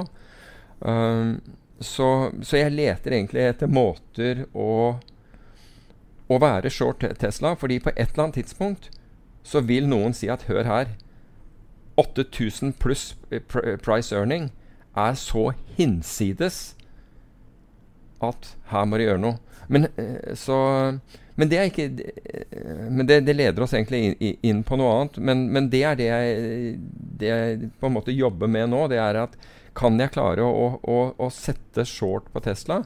Så vil jo mange spørre seg short? Skal det ikke bare være long? Det skal bare være long Tesla? Stocks only go up. Ja, ja, ikke sant. Only go up, og dette går Og det kan godt hende at, at de som sier det der, har rett. Men å kjøpe noe til 8 Kan det det? Vet, nei, jeg, jeg, tror ikke det. Jeg tror ikke det, Men jeg kan ikke utelukke det. Nei. Men du kan si at hvis jeg, kjøper, hvis jeg, sier til dem at jeg kjøper ikke aksjer på 8000 på en PE på 8000, så, så, kunne vedkommende da spørre meg Vil du kjøpe på 2000 da? Nei, jeg vil ikke det. Nei, men da hadde du tjent penger. Ja, du ville faktisk det, ikke sant? Mens, mens du, du, du, hadde gjort det. Men er ikke he litt av hele poenget her, hvis du går tilbake til hvorfor vi lager podkast, så handler det om å ikke boble. tape penger. Det handler ikke om å tjene penger, men ikke tape penger. Ja. Det er det vanskeligste av alt. Ja, Hvis du skal bare gamble og gamble og gamble, ja. ok, du kan kanskje treffe. Og, altså Det er mulig å vinne på Lotto to ganger på rad, sånn. Ja. men hvis, du, hvis, målet ditt er å ikke tape penger og kanskje akkumulere mm. verdier, så må du være litt mer forsiktig. Men du har den, ikke sant, du har den Altså, er disse verdiene oppblåst? Ja, vanvittig kan de bli mer oppblåst. Ja, tydelig kan de det. Fordi jeg mente jo, mente jo det samme for flere hundre dollar siden. Mm. Absolutt kan de det. Men jeg har, jeg har Over 1000 dollar. Ja, men jeg har med, med vilje ikke stilt meg, stilt meg foran det der toget. Fordi Altså det der å når, når, toget går så fort, så stiller du Som jeg sa en eller annen gang tidligere, å stille seg foran toget på Oslo S ikke sant, og si at den stopper akkurat her, er litt kjedelig liksom når uh, hvis det kommer mot deg, ikke stopper før Mysen. Da har du liksom ja, og du trenger bare ta feil én gang. Også, ja. Du trenger bare ta feil én gang. Så, så, du må gjøre det på en smart måte hvis du skal gjøre det. da. Mm. Men nå jeg, bare, jeg, jeg, tenker jo at det er mange som reagerer på den setninga og sier har du vært smart, så hadde du kjøpt den. Og det, det kan godt hende at det er riktig. Uh, jeg, er ikke, jeg, er ikke, så enten ikke smart nok eller, eller, eller, gal nok. Eller kombinasjon av begge deler. Jeg vet ikke. Men du kan si at 8000 Jeg tror det er en viss verdi av å være dum. Men hva skal til Altså være dum som en naiv eller Men du kan snu det rundt og si at hva er det som skal til for at Tesla skal forsvare den prisen det har? Hva er det som skal til i profitability? Det, det går ikke an å forsvare. Nei, ikke sant? Det, det Software må det være. Det må være noe med 19, 90% margin. Ja, det må så må være de ha software. Så hvis de lager helt et nytt spill som tilsvarer Minecraft i størrelse Minecraft er 100% profit. Ok. Når du lager spillet, så selger Mm. du det bare. Det er digitalt, det er ingen kostnader. Mm. Kanskje litt server. Har de, har de noe sånn? Jeg vet ikke. Ja, ikke. De sier self-driving. De sier at hver bil skal være verdt en kvart million dollar for det blir en Mm. taxi. Og da skjønner jo ikke altså, Logistikken går Det går jo ikke opp uansett hvordan man vrir og, vrir og vender på det, men uh, Men nå er hører, jeg, nå hører altså. jeg fra alle disse, disse test, Tesla-bollene den, den skal inn i SMP 500, så det er ikke noe problem. ikke sant? Bare hva tenker du hva som skjer der? Og da tenker jeg, har du aldri hørt om efficient markets? Altså alle vet at Tesla er en kandidat for SMP 500-indeksen. Du, da venter du ikke og, Da står du ikke og venter til den dagen den skal inn i SMP 500-indeksen på å kjøpe den. By the rumor. Tvert imot så har veldig mange kjøpt den på forhånd for å selge den den dagen den skal inn i SMP 500. Yeah, by the rumor, sell the fact. By the rumor, sell the fact. Så, så du kan si at når, når all annen argumentasjon rundt Tesla er, uh, er exhausted, så, så har jeg funnet ut at da kommer den. Da kommer den. Men altså, greia er, husk på at jeg av natur tar den andre siden av argumenter. Ja. Uh, det betyr ikke at jeg har rett. Eh, det betyr bare at når alle mener noe, så mener jeg som regel Så vil jeg, så vil jeg forsøke å se det med, med, med nye øyne. Det er på bare måten jeg er skrudd sammen på. Ja. Så Han er det en kommentator hadde en lignende så. Ja, jeg så for øvrig at DN Fordi DN, og, også med dette med 16-17-åringer og hele, hele den biten Var det den tenker på uh, Bård Bjerkholt? Både Bård Bjerkholt og Terje Erikstad har hatt ganske bra balanserte Han uh, siste uh, Terje Erikstad. Uh, eh. Jeg har hatt, eh, har hatt kommentarer på, eh, på, dette, på dette i, eh, i det siste. Jo, det, jeg, jeg tror jeg har quoten til eh, Tesla er et av mange selskaper som priser skyhøyt i, et marked som flommer over av likviditet etter rentekrutt og, og hjelpepakker fra sentralbankene, og som fyres ytterligere opp av en hærskare av unge, uerfarne investorer på jakt etter raske penger. Det var, det var Terje Erikstad. Kunne ha vært eh, Kopi av 2000, altså. Nesten. Ja, eg egentlig kunne det det. Uh, Men de fleste som investerer, var jo ikke født da. nei. Og det er ikke så lenge siden. Nei, det er, nei, det er ikke Jeg det. gikk på videregående. Um, men det var ganske Du, jeg leste en eh, Det var eh, tre, tre studenter på University of Chicago. Uh, Cotty Dunn and Teft som har skrevet en rapport. Og, og konklusjonen der er Jeg kan lese den på engelsk fordi den naturlig nok er det. We find that large negative, negative month DGA, altså Dow Jones returns, and stock market crashes are widely associated with worsening self-reported mental health and more cigarette smoking, binge drinking and fatal car accidents involving alcohol. Ja. Så det er en direkte korrelasjon, mener disse her, med, mellom fallende aksjemarkeder og trafikkulykker som, som eh, Men er ikke det noe det ikke noe Er det ikke noe som har gjort sånn spurious correlation? Altså folk som korrelerer de sykeste tingene Jo, men altså at, at korrelasjon og kausalitet er ikke det samme. Men, de har, Størrelsen men disse, på disse, kylling, kyllinger i Jo, jo. Men disse, disse, disse har gått lengre for å, for å se hva er det som skjer ved disse markedsfallene. De har tatt liksom utgangspunkt i det. obviously vil folk få problemer. Ja, så Hvis det er 25 nå er invest småinvestorer i tillegg til at alle har pensjonen sin eh, Ja, jeg tenkte også i forhold til han, eh, han ulykkelige eh, som tok livet av seg, han unge, unge gutten som tok livet av seg på Robin Hood fordi, eh, fordi han leste en sånn financial statement-feil. Syv 7 millioner i minus. Var det feil? Jeg har Ja, sett at De sier at han burde ikke ha sett det tallet. Ja, og det vet jeg hvorfor. Han hadde gjort en opsjonsspredd, ok? Ja. Så greia var den, den, hadde bare risken på det, det han hadde betalt i premie. Ja. Så han hadde kjøpt en opsjon Herregud. og utstedt en annen opsjon på, på det samme på samme streik, på, Ikke på samme streik, på to forskjellige streiker, på samme forfall. det? Det som skjer, er at den går i hans retning, Ja. men han ser Fordi den ene, Ja, opsjon, den ene opsjonen stiger med 16 000 dollar mer enn den andre, men han ser minusen på den andre, som utgjør 700 og var det 57 000 dollar, og legger ikke merke til nettoen, som er pluss 16 000 dollar, og tror at han er da 750 000 dollar i, i, i minus, og tar livet sitt. Um, ja. så det er, det, Ikke sant, det er men, men det er jo den derre du Ikke sant, når vi blir Altså, Når du finans får sjokk, no da. joke. Problemet med det er finans er at, at det er to knapper. Ja. Kjøp og selg. Det ser så enkelt ut. Det er sånn, det er sånn trivielt enkelt. Jeg husker det første gangen jeg hørte om noe finans i hele mitt liv. Så var det en slektning som sa til meg Men det er jo så lett. Jeg husker det fortsatt. Det er sikkert, sikkert 30 år siden jeg hørte det. her. Men det er jo så lett. Du kjøper når det er lavt, og selger når det er høyt. Eller et eller annet sånt. Ah, ja. Så sa du på den måten, så tenkte jeg å ja, det var jo en god idé. så, Hvorfor ikke? Ja, nei, ja, bare kjøre på. Ja, ja.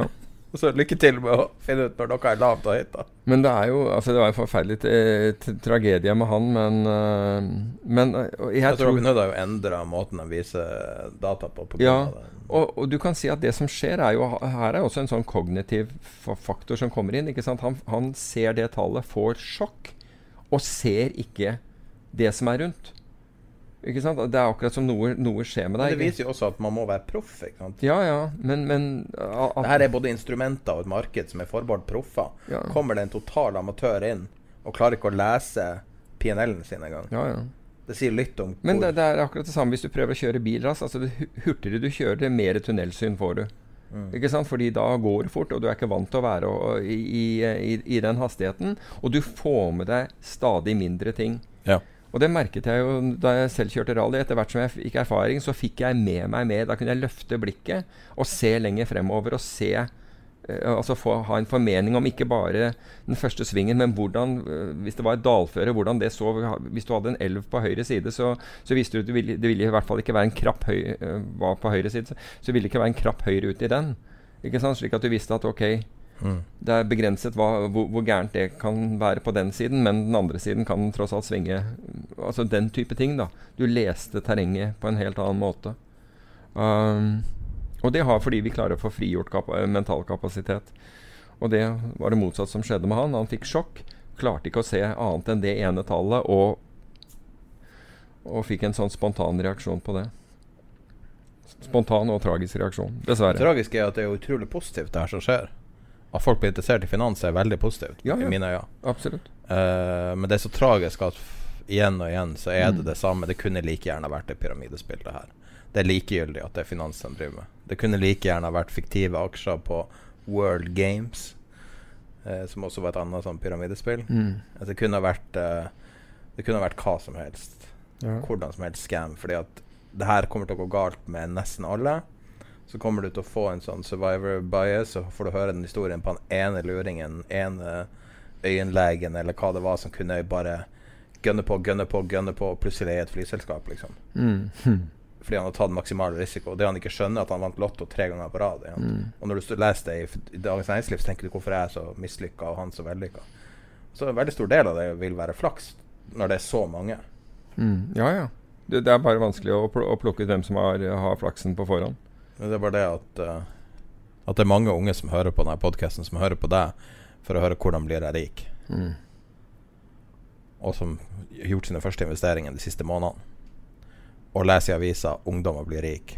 Skal du, skal du tro det der verver mye kunder til Nordnett og dritt og datt? Ja, men du kan si at eh, Nordnett er jo den som har benefitet mest fra, fra denne, denne krisen i form av nye kunder. Og Mm. det er fordi de har et system som klarer å ta, ta imot det. Og retail-kunder har jo blitt da en større og større andel av totalmarkedet, som vi var inne på i sted. Og som Citadel bekrefter, og andre bekrefter. Så, så Nordnett har jo på en måte vært den som har vært mest moderne og klar for å ta imot uh, for å, å, å ta imot kunder. Nei, jeg tror det er like lett for dem med markedet å ta imot. Altså å onboarde nye kunder. Nei, det tror jeg jeg, Jeg tror tror alle bruker bank-ID i Norge, det Ja, mulig. Det er, det er mulig. Jeg tror jeg kunde, jeg tror jeg kunne følge alle med cruise på et eller annet nivå, men altså For det er jo bare bank-ID, og så har du det. Ja, Jeg, jeg har hørt fra flere som ta, ønsket å bli det, at det var liksom så mye surr og det var mye papirer. gjøre. Så gikk de til, til Nordnett isteden. Ok. Og da, var, og da ble de ombordet veldig mye raskere. Kanskje ABG for eksempel ikke vil ha de kundene, så de legger på Ja, men Det kan godt hende, det. Ja, men det ikke, de tjener jo ikke pengene De tjener jo pengene sine på corporate oppdrag. Ja, Og ja det- Sparebank1 Markets vil sikkert ikke ha Ja, og retail-kunder. samme med, med, med Pareto. De, det er corporate-oppdragene som, som Jeg tror Pareto pengene. er litt mer interessert i de små kundene. eh, Tror du? Uh, securities også, at um, siden de er helt separat entitet. Men det er bare Ok. Jeg har inntrykk av at, liksom at at de er nærmere Nordnet Nei, ja, nærmere Nordnett enn eh, Virkelig? Ok, men jeg kan ta feil. Jeg, men, Nei, det er bare sånn men, men du kan hvordan si de markedsfører seg. Det at de har markedsføring i det hele tatt i det åpne rom. Men, men det du ser, er at disse meglerselskapene, akkurat samme som i, i 2008 eh, De som tjener virkelig mye penger, det er de som ha, gjør corporate-handler. ikke sant? Fordi da, da trenger så mange bedrifter penger, så de, det er det de profitterer på. Det er ikke det at analysene deres har vært riktige, og at kundene har blitt eh, rike, eller noe sånt. Det er bare at det er et vanvittig behov for, for, for rådgivning og Og Kall det Og- og vil, det er jo lån. Ja. Hele verden handler jo bare om lån. Ja, ja. Men det som forbauser meg oppi dette, her, når vi først snakker om akkurat det der med lån og obligasjonsmarkedene For som Boas Weinstein eh, sa, at liksom han mente at high yield er den mest overprisede eh, aktivaklassen for, for tiden. Når du ser da at børsene, altså hvis du ser verdensindeksen, hva er den da? 3,5% under under, eh, altså ned på året, så det er nesten ingenting. Altså Oslo Børs er mer enn ned. Men USA altså Vi vet jo at Nasdaq har gått til, uh, gått til ny highs osv. Hvis det er slik at, at selskapene er forgjeldet, og det er det jo, ikke sant, at det er st høy grad av gjeld, hvorfor i all verden eh, tar de ikke syretesten her på høye kurser og emitterer, Ja, og tenkte jeg emitterer aksjer?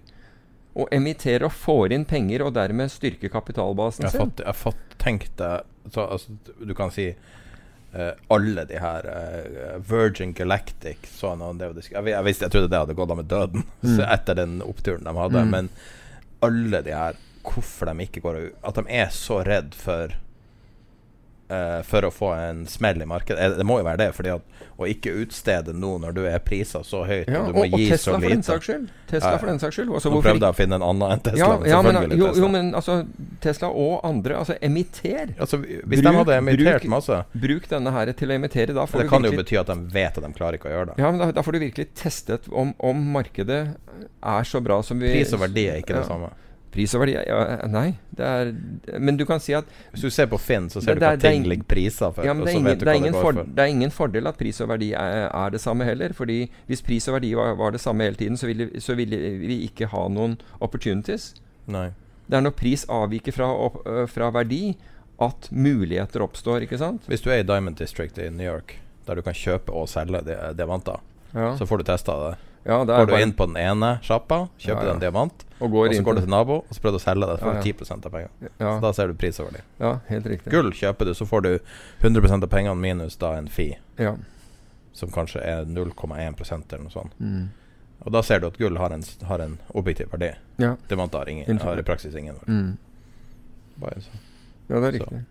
Så det er, hvis du klarer å utstede aksjer, så kanskje de er verdt det. For da er folk villige til å låne deg penger. Ja, det er altså, det ville, være det ville være syretesten på at, at markedene Altså Nå har sentralbankene kjørt opp markedene, men liksom syretesten er hvis du klarer å emittere på disse nivåene, og virkelig dra inn penger. Ja, for da altså, uansett om aksjekursen faller, du har nå fortsatt pengene. Ja, ja, og du styrker jo bedriften din. ikke sant? Du styrker Gjorde jo ikke Amazon noe sånn i rundt 2000? At de, klarte å, at det var, de gjorde noe sånn og klarte å overleve Tar jeg det helt på gefühl? Helt umulig å finne ut av det. Så, Så, men de overlevde jo 2000 da med et nødskrik. mm. Uh, og, og da brukte de neste 20 årene på å gradvis bygge seg opp. Så Så det er mulig, selvfølgelig. Men de hadde jo også da en forretningsmodell der du kunne se Du kunne se verdiene. Mm. Du forstår Ja. hvor verdiene ligger. Men når du er en produsent av en bil, eller du skal selge turer til månen som Virgin Electric eller et eller annet altså det, Hva er verdien, liksom? Altså, Det er så begrensa. I Du må Teslas liksom- tilfelle, når du, når du uh, verdsetter da en bil til 40, 40 000 Altså du verdsetter markedsverdien til en bil som omsettes for 40 000 do- eh, Som du selger for 40 000 dollar, gir deg 2 millioner dollar mer i market cap Mm. per bil. Da? Altså Hvis du ikke skjønner at det regnestykket der ikke, ikke henger i hop i det hele tatt, da sliter du. da sliter du virkelig. Hvis, Spotify sin hvis ikke det får markedsverdi deg til å, til å tenke deg om. Spotify sin markedsverdi steg vel med 20, 20 milliarder dollar, eller 10 milliarder dollar, når de da annonserte at de ga Joe Rogan 1 milliard. Sånn at da er det verdt det, da. Det er du, det er jo en snever måte Mm. å se på verdi, Ja. men uh, nå er vi jo ute og sykler i alle retninger her. Ja, ja. Nei, men men- det var så behagelig her i dag. Vi har fått oss nye godstoler, nye mikrofonstativer, vindu åpent, så er det litt støy i bakgrunnen. Du har glemt smerter i skuldra litt, tror jeg. Nei, ikke helt. ikke helt. Så eh, det er litt sånn utflytende. Så jeg sitter liksom og lener meg tilbake sånn mykt og behagelig. sånn, så. Derfor vi uh, jodler litt. Men da kan vi gå til uh, mer eh, Goldman. Ja. Goldman, ja. Uh, mest, uh, USAs mest risikofylte bank. ja, ifølge Federal Reserve, som da har Vanskelig for å tro, altså. Ja, men Federal Reserve har da stresstestet Goldman, okay, ikke sant? Og de fant da ut at eh, den boliglånene deres, altså de eh, lånene som de har gitt til mortgage, ja, er ti ganger mer utsatt. Altså, høy, eh, altså vil ha ti ganger De har stresstestet dette, dette. Vil ha ti ganger høyere, høyere tap enn noen annen bank av de har testet. Overraskende. De har en boligportefølje. Ja. Men, jo, men at de handler i mortgage bonds, det ikke Å ja, det er mortgage bonds, det er ikke Nettopp. Nettopp. Ikke sant? Og nei, jo, så de sitter på dem, da. Men dem, dem, hvem er bedre å manage risk enn Goldman? Jeg kommer tilbake til det, og det Ja. er veldig nice. Well done. Ja, det Well done. Men på næringslivslån så var de dobbelt så risky. Altså hadde, ville de tatt dobbelt så mye tap som, som den neste banken. Så, så du kan si at Men lån, loanbook, eh, lå, låneboken deres totalt sett, den er bare for, eh, Altså fordi de er små da i forhold til de City, JP Morgan og disse her. Den er jo bare en åttendel av JP Morgans. Ja. Så er det jo de som Men, men det, er- her er det, blir det for og imot. Fordi du, Men JP Morgan har en veldig stor retail presence. da men du, du er in, inne på det, og la oss se på tradingresultatene til Goldman i første, i, i første kvart, eh, kvartal i år. Da det virkelig gikk til helvete i verden. Da var inntektene deres opp 75% De tjente 2,25 milliarder dollar. For Dem en- selv. De selv på tradingen. På, på, på, trading av eh, Og er det én ting Goldman er, er, er flinke til, det er å ta seg betalt når det gjelder trading og, og stille likviditet. Det gjør de veldig, veldig godt. Så det var ikke prop, prop trading, men Jo, var- eller, ja. eller hedging? Jo, det er, prop, det, det er egentlig prop-tradingen. ikke sant? Så, men det som folk sier, syns er rart med dette her Fordi du var inne på det, ikke sant? Og, og det er jo egentlig det de, de siste tallene bekrefter jo det du sa. ikke sant? Goldman er noen av de beste til å manage risk ikke sant? og er kjempeflinke. Da så har flere påpekt hvorfor går ikke Goldman ut og protesterer disse tallene og, og sier, at, sier til Federal Reserve og sier at de, disse er ikke riktige, dere ser ikke riktig på dette her. Mm. Altså dere, dere bruker feil matrix for å, for å beregne det. Goldman har vært helt tyst. Mm. Og det har jo da fått andre til å si at wow, når Goldman ikke, ikke motsier dette, hva er, da, hva er da virkeligheten her? Altså, hva er, det, hva er det Goldman ikke vil at Federal Reserve skal, skal Skjønner du? Så det, så det er den derre det, blir jo liksom sånn konspiratorisk, men, men folk reagerer nettopp på at Goldman ikke protesterer mot denne altså Federal Reserve, amerikanske sentralbankens beregning av den risikoen deres. Og spesielt når dette blir offentliggjort, så har faktisk ikke Goldman gått ut og sagt med en gang Nei, dette, dette stemmer ikke. Vi er helt uenige. Bare se på f.eks. førstekvartalstallene våre, og vi er kjempeflinke på dette. De har vært helt tyst. Og det er veldig ulikt. Det er veldig ulikt. Eller de er jo for så vidt De er jo ikke øh, brautende. Nei. De tar jo ting veldig Altså, de, de er business eh, Eller bunnlinje først. Sånn som i Norge Pareto, liksom at det er bare salget. Ja. Så, Ja, ja. så det er jo sånn sett in character for så vidt å være stille. Mm. Selv når det er dårlig nytt av det.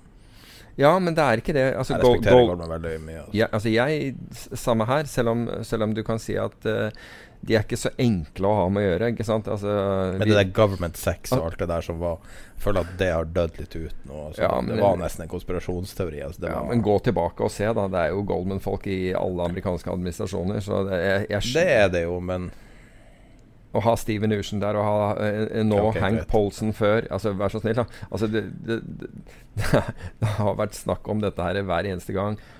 Ikke sant? Ja, men ok, men pek, pek på én ting de har gjort da som har vært eh, Jeg syns jo Henk Paulsen var veldig fin i Det det rolle. Jeg tror jeg faktisk at hadde man ikke hatt han da, så er jeg ikke helt sikkert at det her hadde gått. Nei, det, altså faen, bare ha jeg- jeg- privatfly og alt mulig. Ja, men liksom. jeg, jeg, er ikke, jeg er ikke uenig med deg der. Fordi der hadde du noen som virkelig forsto markeder, og i tillegg kunne gripe telefonen og snakke med Warren Buffett. Altså de, disse som, Ja. som stilte opp. Um, så, så jeg er enig med deg. Altså, Hva heter han eh, i uh, Statoil? uh, eh, Lund? Nei, hva heter han? Helge Lund? Helge Lund, ja. Ja. Glem navnet. Eh, jeg syns det var veldig trist når Altså Det var utrolig mismanagera når uh, Statoil da rota bort å ha han som sjef fordi de betalte han Vet ikke om 5 millioner 9 millioner eller noe sånt i Mm. året, og så har du ekvivalentene i verden har en 300 millioner i lønn. Ja. Og så siden han jobber i et delstatlig selskap, så sitter politikere der og synser om lønna hans. Ja. Så kan man jo si noe i, i kraft av det som har skjedd i USA, om han var Mm. flink eller ikke. Mm. Jeg mener fortsatt han var knallflink. Altså Feilvurderingen der bransjen er dyrt. Men Ja. altså, jeg har ingen formening om det i USA. Men jeg tror at det er veldig dyrt å miste en sånn nøkkelperson som han. Ja. Nettopp fordi han kan plukke opp telefonen, fordi han, han har forståelse og kjennskap til helheten. Mm. Og det får du ikke sånn helt uten videre. Og, og, og sånn sett så er det jo bra at man har fått en player inn i Norge for å styre oljefondet, fordi at han har definitivt oversikt. ja, det har han. Og han har connections. Ja. Kanskje det kan bistå. Men jeg skal love deg, det Yng Yngve K- Slyngstad kunne plukke opp telefonen, og hvem som helst ville svare i verden. Altså. Det Han har han, Men det er jo av NBIM. Ja. Ja, men han, jo, men han kom opp gjennom det systemet, så folk var kjent med han i, i Ja. det, det systemet, og han høster stor respekt overalt. Altså. ja, Så, så han Ingen Men han slår meg jo som en politiker. Jeg møtte han én gang, da, så jeg, jeg vet du kjenner han, men, Ja. men han slår meg litt som en politiker, da, til en viss grad. Nei, mye mer enn- jeg, jeg tror at han ble tvunget, han ble tvunget til den, den rollen. Og det er jo Helge Lund var jo også Han, er, altså, han snakker jo som en politiker, i hvert fall når han var i Statoil. Mm. Og det er jo fordi at du, du må deale med staten. ikke? Så Ja, du må staten er, være er eieren din, ja. Eller st- store, store eier. Ja. Så så jeg, jeg, jeg, tror på ingen Jeg tror ikke Nicolai Tangen har, har flere eh, kontakter i, innen internasjonal finans. Altså større, eh, mer betydningsfulle kontakter enn en Yngve Slyngstad. At han vil få de samme, det er en annen sak. Men, Ja. men uh, som sagt, altså, hvis, hvis Yngve Slyngstad ringer, så tar hvem som helst telefonen der ute. Ja. Spiller ingen rolle hvem det er. Når var det båten din gikk? Uh, 1725. Ok. Ehm, du hadde lyst til å snakke om en person du aldri har nevnt i podkasten før, tror jeg. Ja, Tor Aksel Varberg. Ja, og årsaken til det var at jeg så at han hadde hatt et, et, et veldig godt uh, år i, i fjor. Og det bare slo meg, fordi vi har snakket vi, Jeg husker ikke om det var i, i, i forrige podkast. Det var definitivt på, byen, på den Byen-podkasten jeg var. Så snakket om det, dette med egenskaper og det der å ha stayerevne. Og, og, og Det var litt det jeg hinta til i stad også, med Ja, og å ikke- holde ut. Ja, og ikke gi seg. Og Tor Aksel Vollberg er jo virkelig en som ikke har gitt seg. Han hadde veldig mye motgang. Altså Han hadde jo sånn, gikk rett opp, tjente voldsomt med penger, belånte. Så, så altså Den gangen så oppførte aksjemarkedene seg sånn som de pleide å oppføre seg. Og da, Ja. det var at de korrigerte. Eh, slik at han tapte alt og mer. Stocks only go up i. Ja, ikke sant? Han Tapte alt og mer. Men altså var en, øh, overfor banker var en veldig ryddig, ordentlig person og ga seg aldri. Altså Han var en veldig øh, ryddig, ordentlig person og for dem å forholde seg til. Han stakk ikke fra liksom tapene og, og, og den type ting. Han ryddet opp og gjorde ting. Og ja, han fikk hjelp av venner, og ja, han fikk hjelp av meglerforetak og alt den greia, men han møtte opp Altså, han ga seg aldri. Han ga seg aldri. Så, så han hadde jo liksom flere, flere oppturer med, med, tot med totalkollaps. Etterfølgende totalkollaps. Men nå er, nå, nå virker det altså Nå er det mange mange år siden Ja, det er mange mange år siden liksom markedene har kollapsa også, for den saks skyld. Men, men nå har han diversifisert. Nå er han i eiendom og, og den type ting. Så han Norges fineste bygg. Eller Norges fineste hjem. Ja, eh, har han det fortsatt? Ja, det tror jeg. Ok. Vi snakker om den, den eh? Ja, nettopp. Den hovedgården. Men, men poenget er at, at han er jo virkelig en som ikke ga seg. Altså, han ga seg aldri. Hva er hans uh, edge? Vet ikke. Hans, hans edge Var han megler? Nei, nei, tror, nei, ikke det jeg vet. Uh, Jeg tror hans edge er nettopp å ikke gi seg. Jeg tror, den, altså, jeg, jeg tror han, han ene er den der risikovilligheten som, som nok var voldsom og som antageligvis har blitt redusert e-, e-, etter hvert. Altså han har, han har lært av sine feil. Um, og så har han blitt eh, Han har jo gitt vanvittig med kurtasje til meglerforetakene, så de alle var interessert i at han, skulle, at han skulle klare seg. Så han liksom fikk så mye hjelp som de kunne gi han for at han skulle, at han skulle overleve. Ja. Så jeg tror han har flere Altså han har flere edger som har gjort det, men først og fremst er det det at han aldri ga seg. Nei, men det uh, Og det står respekt av. Men det er sånne ting som ingen snakker om, liksom. Mm. Hvis du bare klarer å eke profit eller uh, overleve, så, så vet du aldri hva som jeg, jeg, jeg, har tenkt uh, mye på at hvis du gjør noe, så skjer noe i livet. Mm. Så lenge man er Så lenge man er ute og, og prøver, selv om det feiler. Ja. Så hvis du vet du kommer til å tape en fight, så tar du fighten likevel. Mm. Du prøver. Du Ja. gir deg aldri. Ja. Jeg har veldig sansen for den måten å leve på. Så hvis det er det han har gjort, så Ja, altså more han, power to him. ja, nettopp. Uh, men er, er det noe Jeg ser du har skrevet opp litt hedgefond, og det er masse som er lagt ned. Er det, er det game over for hedgefond nå? Så det, det virker jo mer og mer som Ja, det har vært en veldig tøft eh, Nei, det er ikke game over for dem. Det, det tror jeg ikke at det er. Men du kan si alle eh, det, det var en, Jeg så en, en studie referert til nå hvor 50% av hedgefond har forvaltere med mindre enn syv, år syv års erfaring.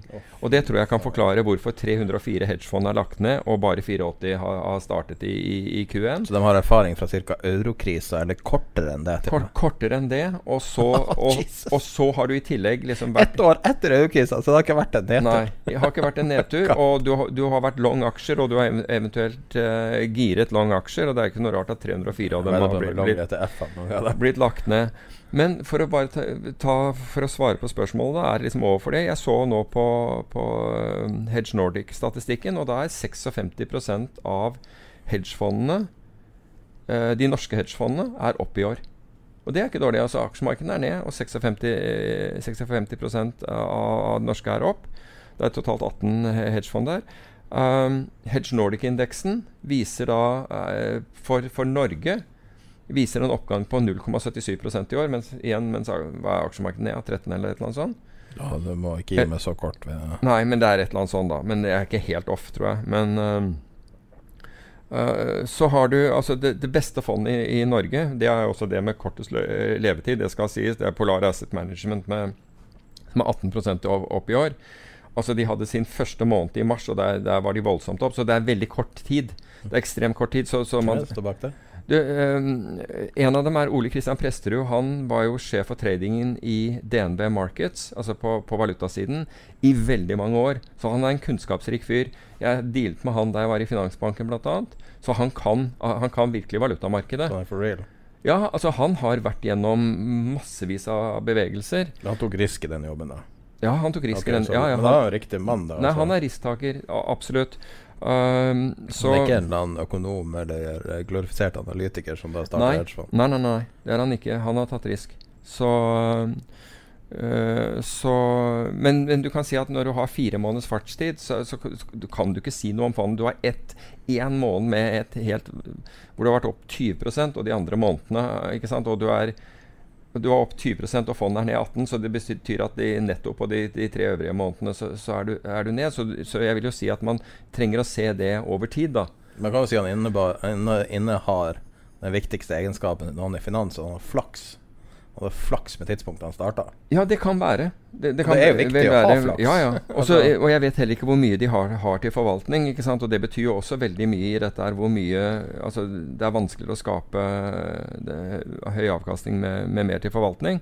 Så, så du kan si at uh, det her Jeg ville jo ønsket å se, uh, en, se en helt annen uh, track record, men hvis du ser på det fondet i i, i Norden som har gjort det best, så er det det, det svenske som jeg tror heter Ascendo.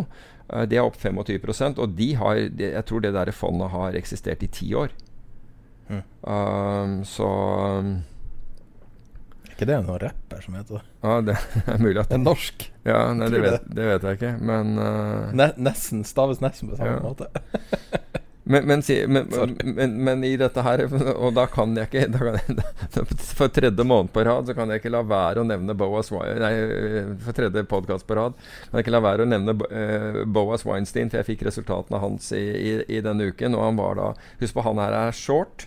Stort sett short. Altså Han mener jo high yield er overpriset, så han uh, så hans greie Og high yield har jo stort sett steget, ikke sant? eller i hvert fall de holdt seg. Men han var, i juni var han opp ytterligere 4 og fondet hans er opp 90 hittil i år. Mm.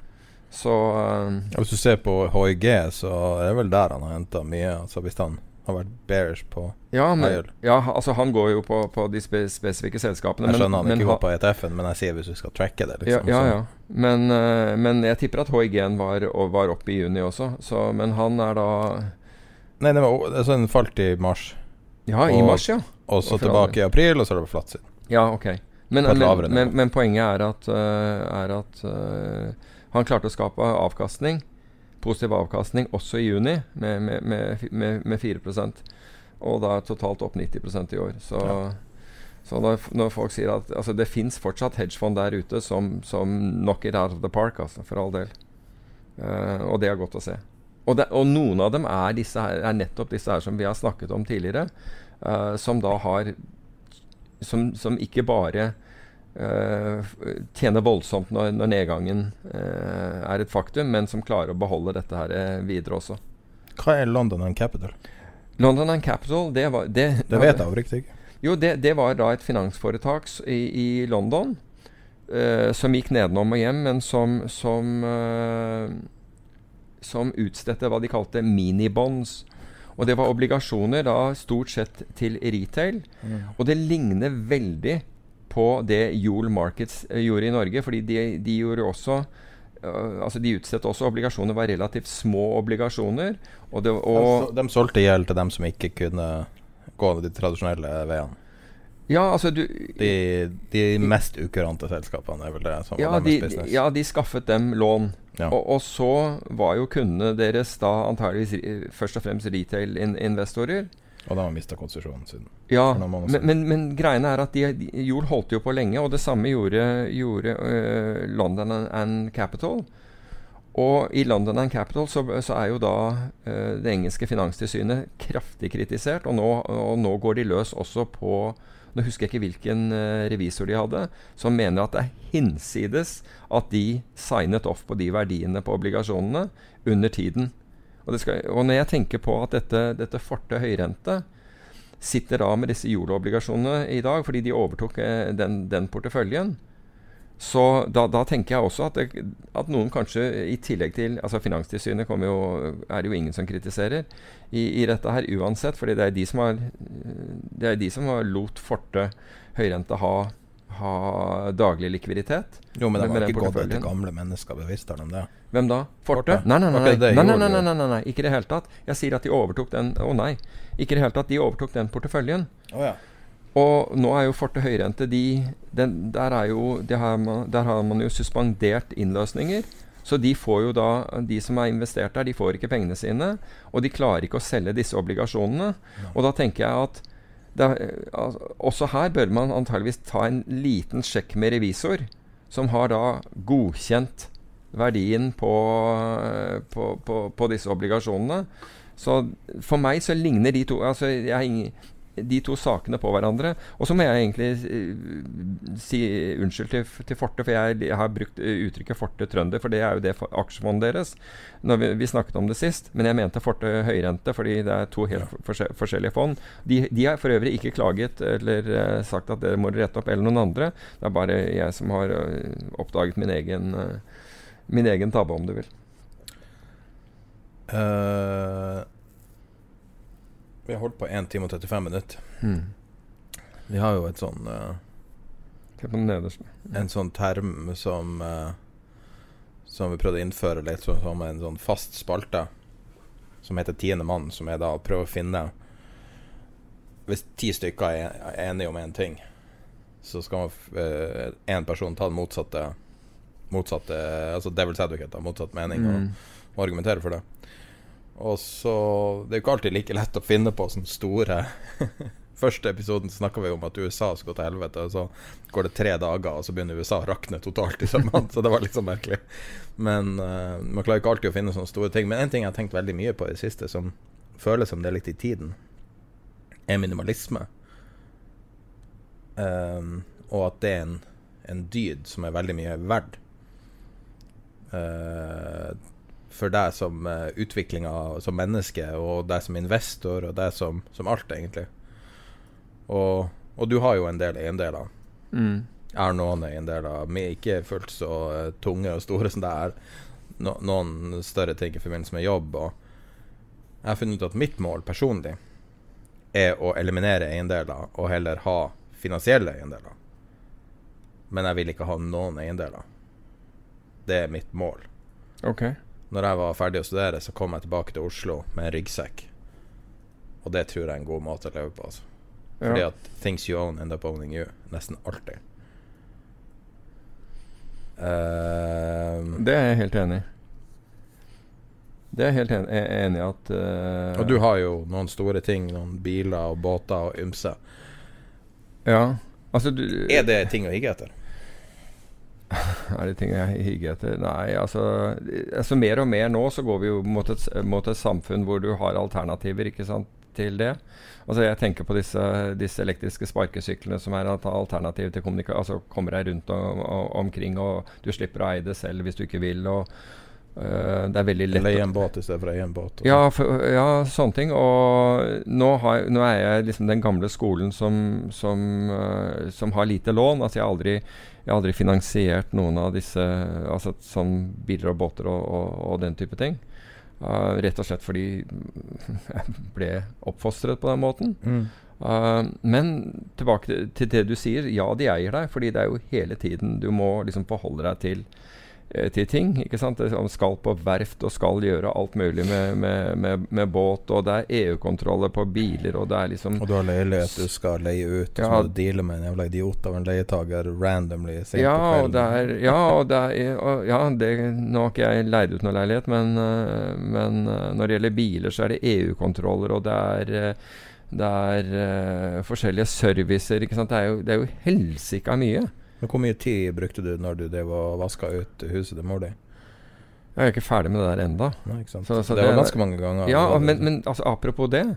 Så der Jeg satt jo på, på Finn og gi bort, uh, gi bort uh, møblene. Det er jo Til og med det er vanskelig. Selvfølgelig. Altså Det kom jo folk og, og, og tok, og så kom det et filmselskap. Og de fylte jo Ja, for de For skulle da ville jeg periode ja, de skulle, nei, de skulle brukes som props. Ja, periode Nei, jeg tror ikke det var periode, eller det aner jeg ikke. Men ja, det de, var eldre ting, liksom. Nei, det var bare rett og slett hvor de kunne Ja, altså de, de, Jeg vet ikke om de tenkte på det, for de nevnte ikke det, men de skulle bruke egentlig som props, og det, der kom de, og de tok liksom en hel haug. Men de fylte en bil, så de hadde ikke plass til mer. Men det hadde vært optimalt for meg, så hadde jeg liksom sovesofaer og Eller de tok én, da. Eh, Sovesofaer og alt mulig sånt uh, godt, og vitrinskap og mye mm. annet. Men uh, jeg trodde det skulle være enkelt å gi bort ting, jeg. Jeg tenkte at alltid noen Alt du trenger.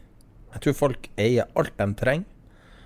Og vi så jo et refleksjon av det i økonomien der Det var noen som sa det som en vits, men det var ganske sant. Altså under, når det var som verst med korona i Norge, så kollapsa økonomien for folk kun kjøpte det de trengte. mm.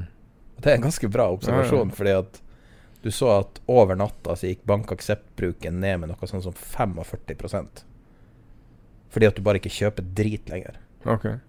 Du bare kjøper det du trenger for å overleve. Mm.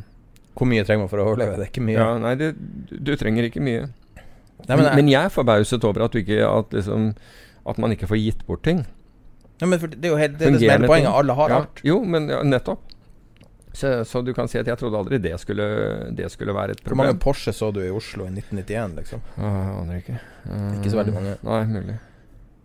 Nå er det på hvert gatehjørne. Alle har kjøpt alt. Det er ingenting du kan drømme om. Før i tida så brukte man ting som Louis Vuitton og Hermes og sånne type merker for å skille mellom klassene. Mm. Nå har mellomklassen gått rundt med Hermes-veske. Mm -hmm.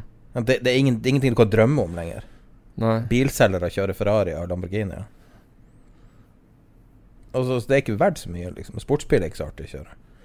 Du får ikke parkert noen Nei, jeg var, jeg, var, eh, jeg var og tok en kaffe med en venn etter eh, padling. Dette var før jeg opererte armen. eh, ute på ute på Høvik. Og det, der har de hatt en sånn bilforhandler som har eh, Men den er, Auto-Exo. Ja, men den, den er ikke der lenger. Er nå selger de ja, nå selger de elektriske sykler der. Men i hvert fall der var det en bilpark utenfor av folk som tydeligvis et sånn biltreff. da Og det var det var helt sjukt hva det fantes av biler. Det var disse Lambo, Lamborghiniene og Maseratier og Ferrarier, og det var eh, Audier til eh, de der som 2,7 millioner kroner. Og det var vanvittig av det, kjørt av, unge, av, av unge karer. Altså.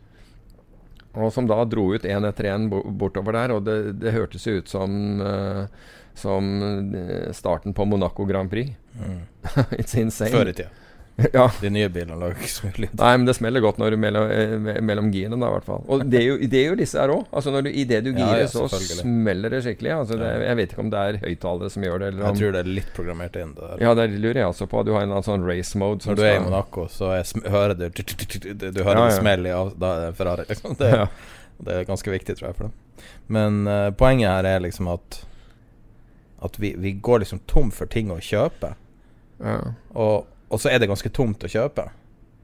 Så når du ser Jeg var i den nye luksusgata, eller ny, for meg ny, i Oslo, der du samler alle luksusbutikkene i ei gate. Noe som jeg syns er veldig positivt, da, at man har klart å liksom Hvilken gate er det? Jeg vet ikke, Dronningen skal et eller annet Nei, ikke Dronningen. Nei, ikke en av de parallellgatene, Karl Johan.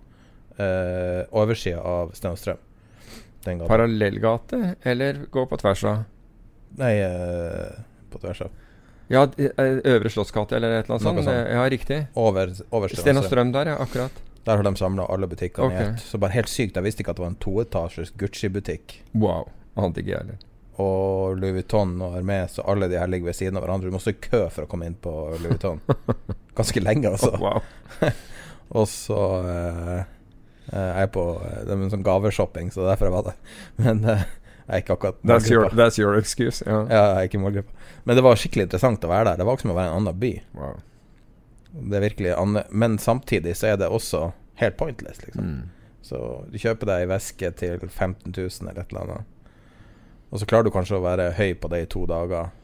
Få en eller annen sånn her eh, kjøperus av det som man sikkert får. Og så, og så er det bare en tom ting, liksom. Så prøvde du å selge det på Finn, og så er det ingen som vil ha det. Og virkelig? Jeg trodde de der merkesakene hadde Jeg kjenner som aldri har jobba i sitt liv. liv, -huh. som er fra et annet land. Like gammel som meg. Nærmere 40 enn 30. Uh -huh. uh, sendte meg plutselig melding og spurte hvordan man skrev en søknad. Hun har fått penger fra forskjellige folk som har basically aldri Altså sosietet, sånn klassisk sosietetskvinne, liksom. -huh. Har så mye luksuseffekter at eh, Altså sånn Det bonger over av, eh, av ting, ting som koster hundrevis av tusen. Jeg tror hun sa hun hadde ti sånne vesker som kosta 300 000 eller et eller annet sånt. Bare sånn, du, du forstår ikke de tallene engang. Og hun ble blakk. Helt blakk. Og så prøvde hun å selge de her tingene, så fikk hun ikke solgt det. Var det midt under koronaen? Uh, ja, og det var en annen by også, da, så det Ja, kan være et sted som er mer ramma. Okay. Altså ikke Norge. Uh, og jeg vet, jeg vet jeg har ikke hatt hjerte til å spørre hvordan det går. Wow. Eh, jeg tror det går. Jeg tror hun har det bedre på et eller annet vis. Mm. Å jobbe for sine egne ting i stedet for å bare få det, og så bare leve i en sånn her illusjon av en verden. Mm. Men, uh, men hun fikk se forskjellen på pris og verdi. Uff. Ja. Jeg, jeg trodde at, de der, eh, at mye av de, de merkene, i hvert fall når det gjaldt uh, væsker, hadde, hadde en sånn Ja, internasjonal men det pris. sier seg nå sjøl at når, Ja, at du, når at ting du, smeller, så har jo det her ingen verdi. ja, ja. ja, ja, akkurat når det smeller. Selve ja, det, er Louis. Vuitton-mønsteret koster 100 kroner meteren. Okay. Det der eh, Det du kjenner igjen som Louis Vuitton, den logoen. Det er en av de billigste materialene som finnes. Okay. Hmm. Og så litt sånn skinneffekter på det. Okay. Så hvor mye verdi er det der, liksom? Du kan ikke bryte det der ned til bestanddeler. Nei, nei. Men det er det som er poenget, at spørsmålet mitt med minimalisme er Er det en ting å hige etter? Du har jo, vært, du har jo levd gjennom 80-tallet og 90-tallet med, med den uh, maniaen med kjøping. Jeg vet ikke om det er verre nå eller enn det var da, men Jeg føler jo det. At det er, ja, ja. Det er, det er mye verre nå. Altså Den gangen var det jo selektivt eh, de som hadde, hadde sånne ting. Mens nå er det som du sier, altså nå, nå fyller du en Nå fyller du liksom parkeringsplassen, en svær parkeringsplass utenfor der på Høvik, som jeg nevnte, med biler Jeg vet ikke hva snittprisen på de bilene var, ja, men 2,5 eller et eller annet sånn million. Det mest interessante er kanskje var hva av 20-åringer. snittverdien er. Hva sier du? Det mest interessante er snittverdien. Ja, men altså det, Ja, hvis hvis du måtte ut og selge det, ja. Ja. Ja, sikkert. Men det, jeg, altså når jeg så den bilparken, det var insane. Og det var jo bare veldig unge mennesker som uh, drev og kjørte disse her. Så tenkte jeg wow. Bitcoin-millionærer som har kjøpt uh, Tesla-lån. Sikkert noen. Noen kanskje det, men, men jeg nekter å altså Jeg tror ikke vi har så mange bitcoin-millionærer i Norge som det der. Nei, det er jo å sjekke på B Nei, ikke B. Er det B? Eh, reg, Regner. R-E-G-N-R til 2282. Ok, og da får Og da vi vite ser hvem du som har, hvem bilen. som eier bilen, og da er det veldig ofte du får på leasingselskap når du sjekker dyre biler. Oh, ja.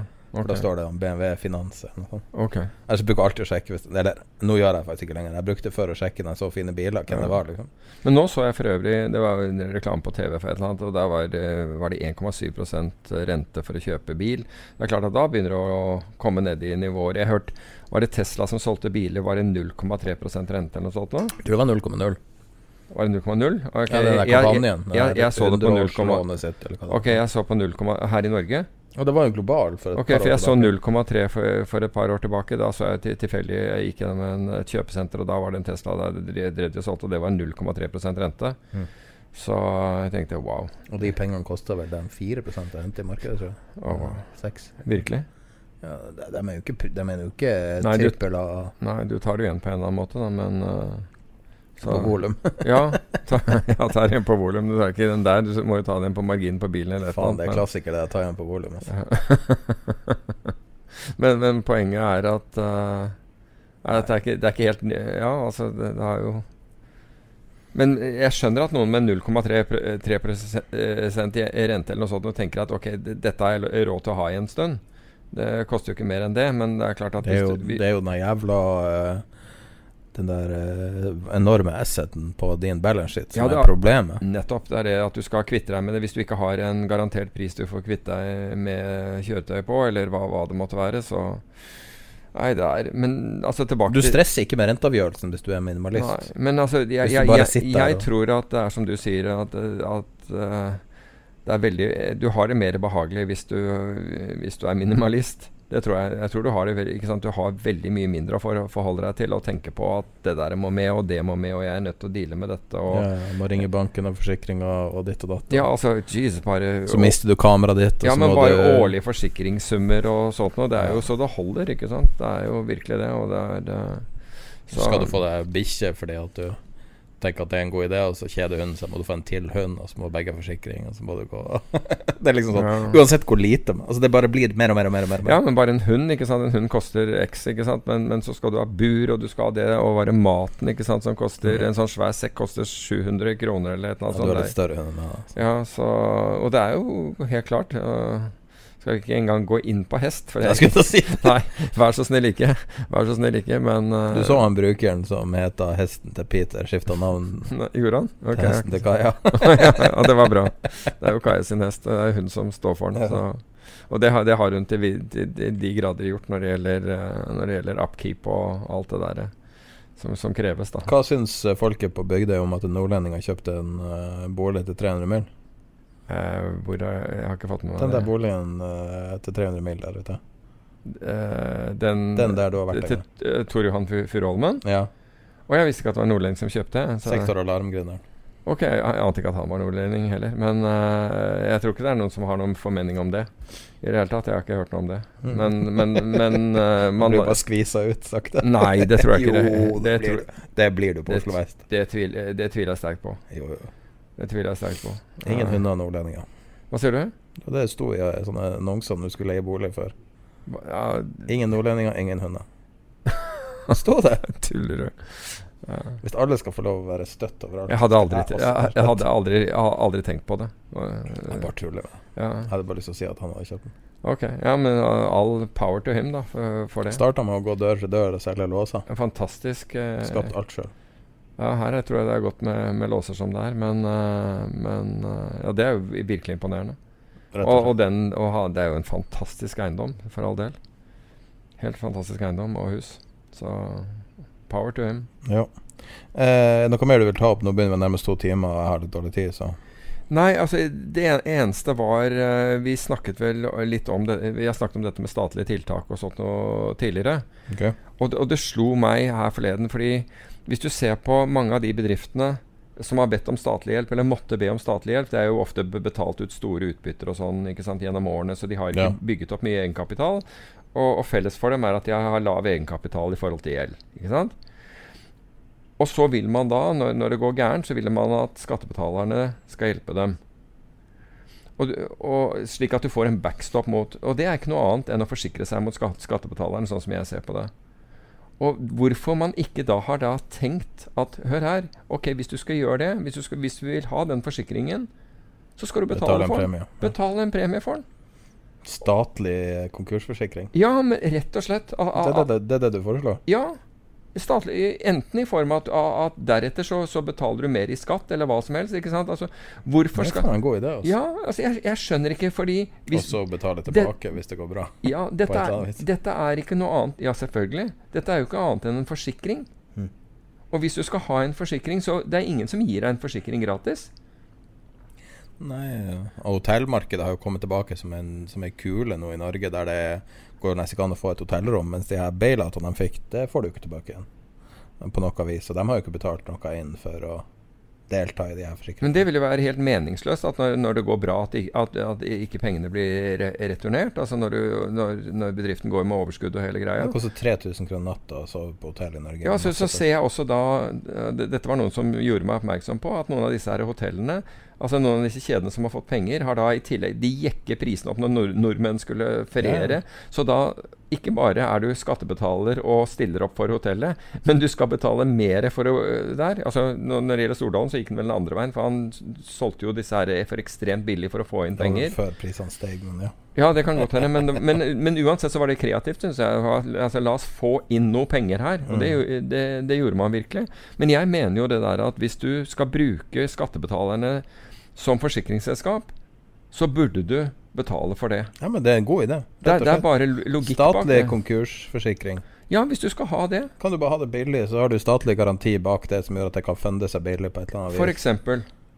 Da syns jeg liksom Fordi du får alle. Ingen andre steder vil du få en gratis forsikring. Så hvorfor skal du ikke Og det, det gjelder banker og hvem som helst som, som, som på en måte opptrer på en måte som man trenger Som man trenger hjelp fra, fra staten, skråstrek skattebetalerne, for det er samme, samme sak. Så ville jeg sagt at det der er helt naturlig. Hvorfor, hvorfor, hvorfor har man ikke en sånn ordning? Hvis, hvis, hvis du skal kunne gjøre det, da må du ha en sånn ordning. På en eller annen måte må man få betalt for den forsikringen. Ja. Just makes sense. That's just good business. Ja. Så det er mitt forslag. Nå tror jeg vi avslutter episoden der, for nå begynner det å være tom for energi. Red Bullen begynner å gå tom her. Uh, men da var vi ferdig med episode 82, To. tror jeg. 82. Og så ses vi om to uker, med mindre det skulle være noe sånn sommerrelaterte forsinkelser. Men jeg tror ikke det. Så. OK. Ha det bra. Ha en fin sommer. When you make decisions for your company, you look for the no brainers. And if you have a lot of mailing to do, stamps.com is the ultimate no brainer. It streamlines your processes to make your business more efficient, which makes you less busy. Mail checks, invoices, legal documents, and everything you need to keep your business running with stamps.com. Seamlessly connect with every major marketplace and shopping cart. Schedule package pickups and see your cheapest and fastest shipping options from different carriers. With rates up to 89% off USPS and UPS rates. And with the Stamps.com mobile app, you can take care of mailing and shipping wherever you are. Make the same no brainer decision as over 1 million other businesses with Stamps.com. Sign up with Code PROGRAM for a four week trial, plus free postage and a free digital scale. No long term commitments or contracts. That's Stamps.com. Code PROGRAM.